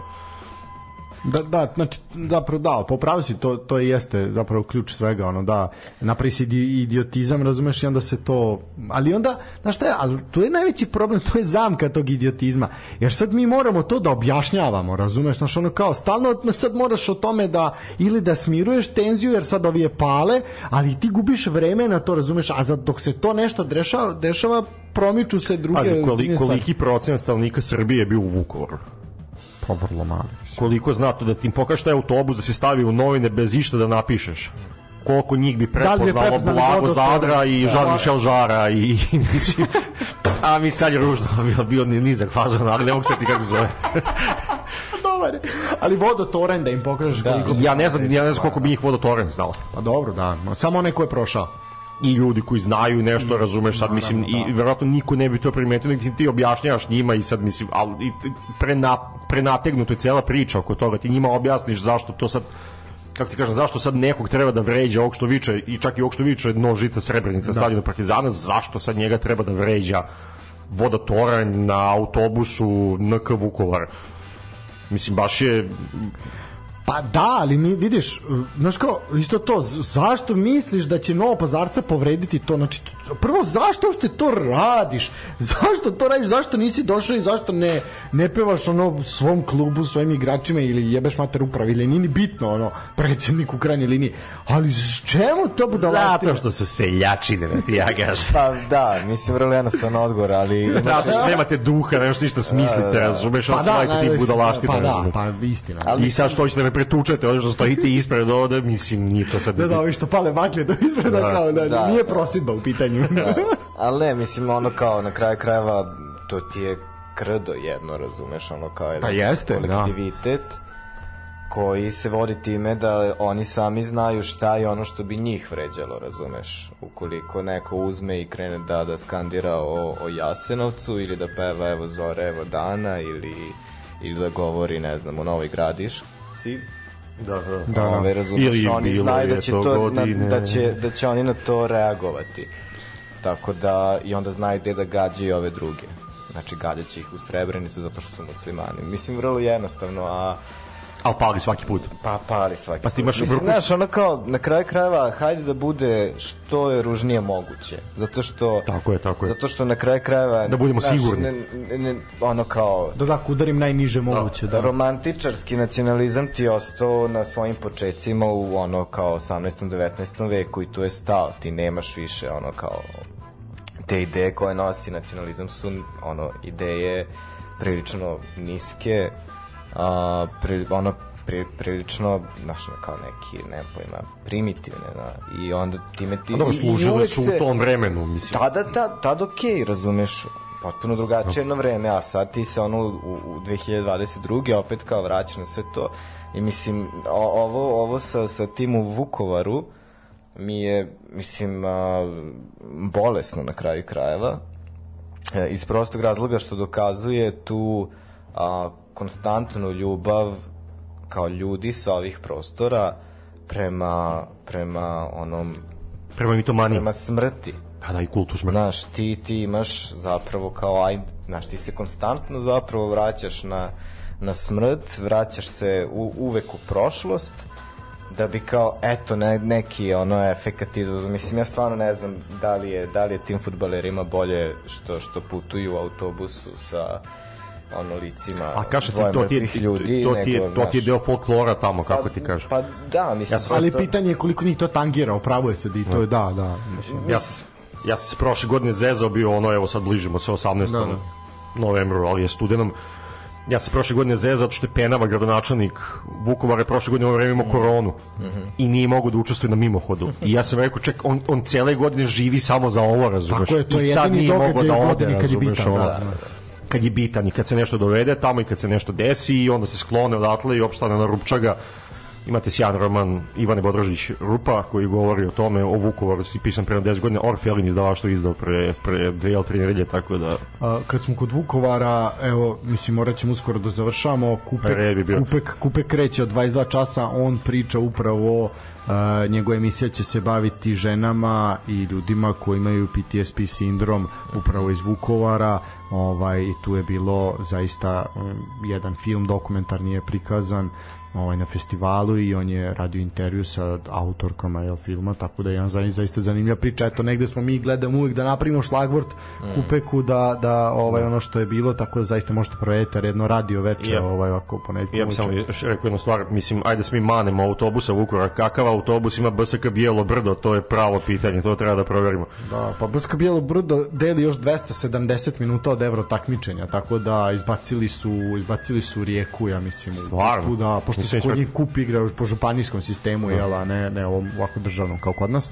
Tako da eto, mislim vidi, imali se situaciju u Hrvatskoj gde je Torcida pogađa stolicom pomoćnog sudiju i ne može niko da ih smiri nego Marko Livaja, ono koji je tamo bogotac, da, da. prilazi i kao aj nemojte ljudi, razumeš, kao vodimo, aj nemojte to raditi. ne. Tako da uh, mislim Dobro mi je bilo, izvini samo još ovo, dobro mi je bilo na, na stadionu Rijeke, ovom novom, ove, ove kavez za, za, za, za, svi, Pošto sam gledao pre par nedelja igrali su Rijeka protiv Hajduka, ali ono je zatvoreno sa svih strana, ono je baš kavez, hermetički kavez. zatvoren kavez, da, da. Znaš, i Pa- mislim da je to prilično odgovarajuće. Da, da, Pa pa jeste. da, mislim da. I onda imaš pokazalo se tipa a, mislim u Osijeku su razmontirali stolice da se pokaže kako su uneli da, bengalke da, da, svi da, ono, da, da, vidio sam, zalepljene Da, da, da, da. stolicu iza, tako da eto kreativni su. A, pa i Partizanov stadion iz semafora izlače, tako da i tako dalje. A ono što smo ostali dužni je tabela i sa njom ćemo i završiti. A, znači 19. kolo je kompletirano, to je što se tiče ovog a, dela takmičenja, sledi na svetsko prvenstvo koje počinje u nedelju 20. i traje do 18. decembra, a naši superligaši se tamo u februaru ako ne bude snega i odlaganja, ovaj vraćaju na vraćaju na terene. E, što bi rekli, imamo jedno tradicionalno pitanje od gore ili od dole. A da, ja znam. Pa šta ja znam, ali ajde nek bude od dole ovog puta. A, romantika, romantika, dobro. E, cr, znači od dole. E, 16. je radnik sa 8 bodova, Gat je e, 15. sa 13, Javor je 14. sa 16. E, radnik je tu ubedljivo zadnji, ali edo, ovi su svi tu negde blizu. Gat ako veže neke dobre rezultate, možda može da pobegne isto. Što im je svakako i cilj, ali da opstane u ligi. Vidjet ćemo koliko je to realno. Javor 14. i 16, Radnički Niš e, 13. sa 17, 12. je Mladost odlučana sa 18, Spartak i Subotica isto sa 18 bodova na 11. mestu, 10. je napredak sa 19, Kolubara je 9. sa 20. A, to je play out, play off, osmi je Radnički iz Kragujevca sa 25, sedmi je Voždovac sa 31, koliko im je Novi Pazar na šestoj poziciji. Vojvodina je peta sa 33, Čukarički je četvrti sa 35, blizu su, tu će se svakako voditi borba za to četvrto mesto. TSC je nešto sigurniji i mirniji na ovoj pauzi, treće mesto 39 bodova, drugi je Partizan sa 43, Crvena zvezda je prva sa 53 boda. Neću vas pitati pitanje za šampiona, to je očigledno i jasno. Šta mislite ko će biti pet timova koji će ići u Evropu pored Zvezde i Partizana, znači još tri? Pa, Čukarički Vojvodina TSC mi... Misliš da Pazar i Voždovac neće iznenaditi? Pa jedino Voždovac može, za Novi Pazar čisto sam. Misliš da on Da. silazna putanja? Da. Mislim da neće, mislim da je osam što mislim da će Vojvodina biti treća. Treći? Da. Ja mislim negde četvrto da će ostati. Ja mislim da. TSC će biti treći i mislim nekako mi tako deluje ja za kažem, sada. Voj- Vojvodina treća, TSC četvrti i Čuka peta. Zapisat ćemo, dobro. A, ispadanje. Da li će Gat ostati u ligi? Mislim da neće. Nisam optimističan uopšte. Da, ne, niko nije, da. Sad je to pitanje samo šta će Novi Sad uraditi. Da, da, pa- da, da. da A će pa vidi, uh, uh, mislim da ove sezone neće mnogo toga uraditi, ali vidimo da se pravi stadion. Što E, a koji je... priča, jesi vidio zašto je stalo priča o gradnja stadiona? Zašto? E, pa pruga smeta. Ne A- može da se gradi zbog pruge da, koja ide ka ali, Subotici. da, ali ovaj... U, Kaka pruga, nek se izmesti to lepo, šta će nam pruga? On treba stadion ili pruga, šta će? ali, znaš, kao, znaš to, da, da, da, da, da je to po UEFA, FIFA standardima, da će tu moći da se igraju internacionalne utakmice i ostalo. Moći će sad, mislim, stali su grubi radovi na stadionu Da, zato da, što da. se čeka novi urbanistički plan, kako će se taj nadložnik napraviti, jel to je sad malo problem. Tako da, mislim, i, i, i ta priča sa stadionom zapravo Novog Sada po meni povlači u suštini pitanje i, i Karadžorđa i svega ostalog, tako da to, to će zapravo možda kao u naredne dve i tri godine biti ona zanimljiva tema šta će se u stvari izdešavati i zbog čega je Novi Sad ušao u drugu ligu. Kakav teaser je napravio. Da, i bilo bi dobro da se stabilizujemo više da znamo koga imamo, znaš. Da, Jel ono, uh, imamo Proleter, pa imamo Mladost, A, pa misliš imamo da Novi prebrojimo, Sad, da pa imamo prebrojimo? Kabel, pa znaš ono, znaš, A pazi, ove sezone je od kad se igra Liga naša samostalna nikad manje klubova iz Beograda, samo četiri. Pa evo sad će. Pa ko šta, ono, IMT, radnički Pa i to je veliko pitanje kod njih možda igra Superligu, na što je, pa će prodati mesta ko što su prodali. Pa, prošle. da, tako je, ja sam sad skoro pričao s drugarom nekim, tako je Novi Pazar nastao, kako ima Bask, šta su Bask nije Careva Ćuprije, Car- Careva Ćuprije nije mogla da igra, pa je Novi Pazar ušao. pa Pa, sfuzio s Novim Pazarom, što su je. tu blizu, što se kaže. da, da, da, da, da, pustili su kaže, to su dobri odnosi između Baska i Novog Pazara.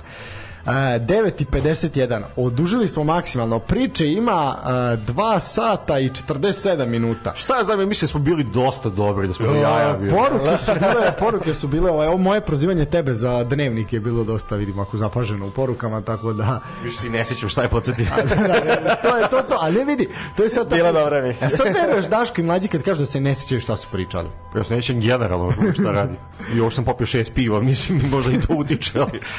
E, Ljudi, uh, prvo, vama dvojici zaista sam neizmerno zahvalan. Čin moje zahvalnosti bit će što ću vas voditi u Topolu. Ovaj, to je sa Peti put. Ići ćete u to Peti polu. put. a? Ići će to, poslaću vas. Uh, ne, zaista sam zahvalan uh, na jedan ovako drugačiji način smo malo ovaj predstavili današnji sportski pozdrav, uh, a ispričali smo sve što smo hteli, bili smo duhoviti, bar tako kažu ljudi, sad uvek mislim da je bilo sasvim solidno. Vama zaista hvala još jedan put, uh, tebi Strahinja hvala na podršci i tom što si verni fan i što nam pomažeš večito. Tu sam ja što se ovaj, a I Strika- sutra tebi u odbrani pomaže. to, to, to, e. da treba. Strika, tebi hvala za s ove strane, da kažemo 021 saradnje i nas.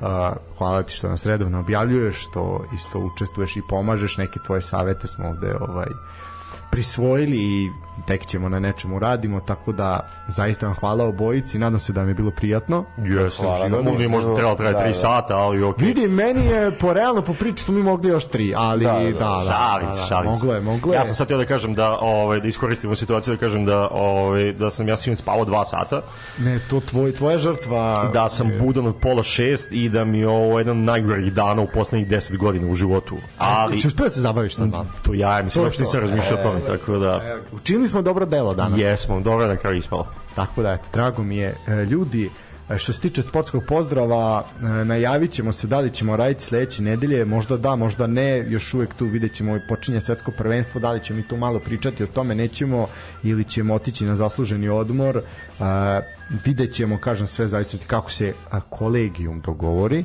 ovaj, pošto nas ima više, sve u svemu objavljivat ćemo sve na mrežama, a, bit ćemo malo aktivniji ko što ste i primetili. Što se tiče podrške Patreon, Paypal a, humanitarni SMS što kažu jel, račun Erste banci ako neko hoće može da pomogne teška hladna zima je pred nama tako da valja se malo ovaj, štedit ćemo električnu energiju pazit ćemo sve po, staviti poklopac na šerpu i tako dalje. E, vama momci hvala. Hvala svima koji su slušali hvala svima koji su slali slali poruke. Uh, odjavljujemo se za par minuta kreće kupek sa jednom zaista zaista zanimljivom temom. Uh, uživajte i laku noć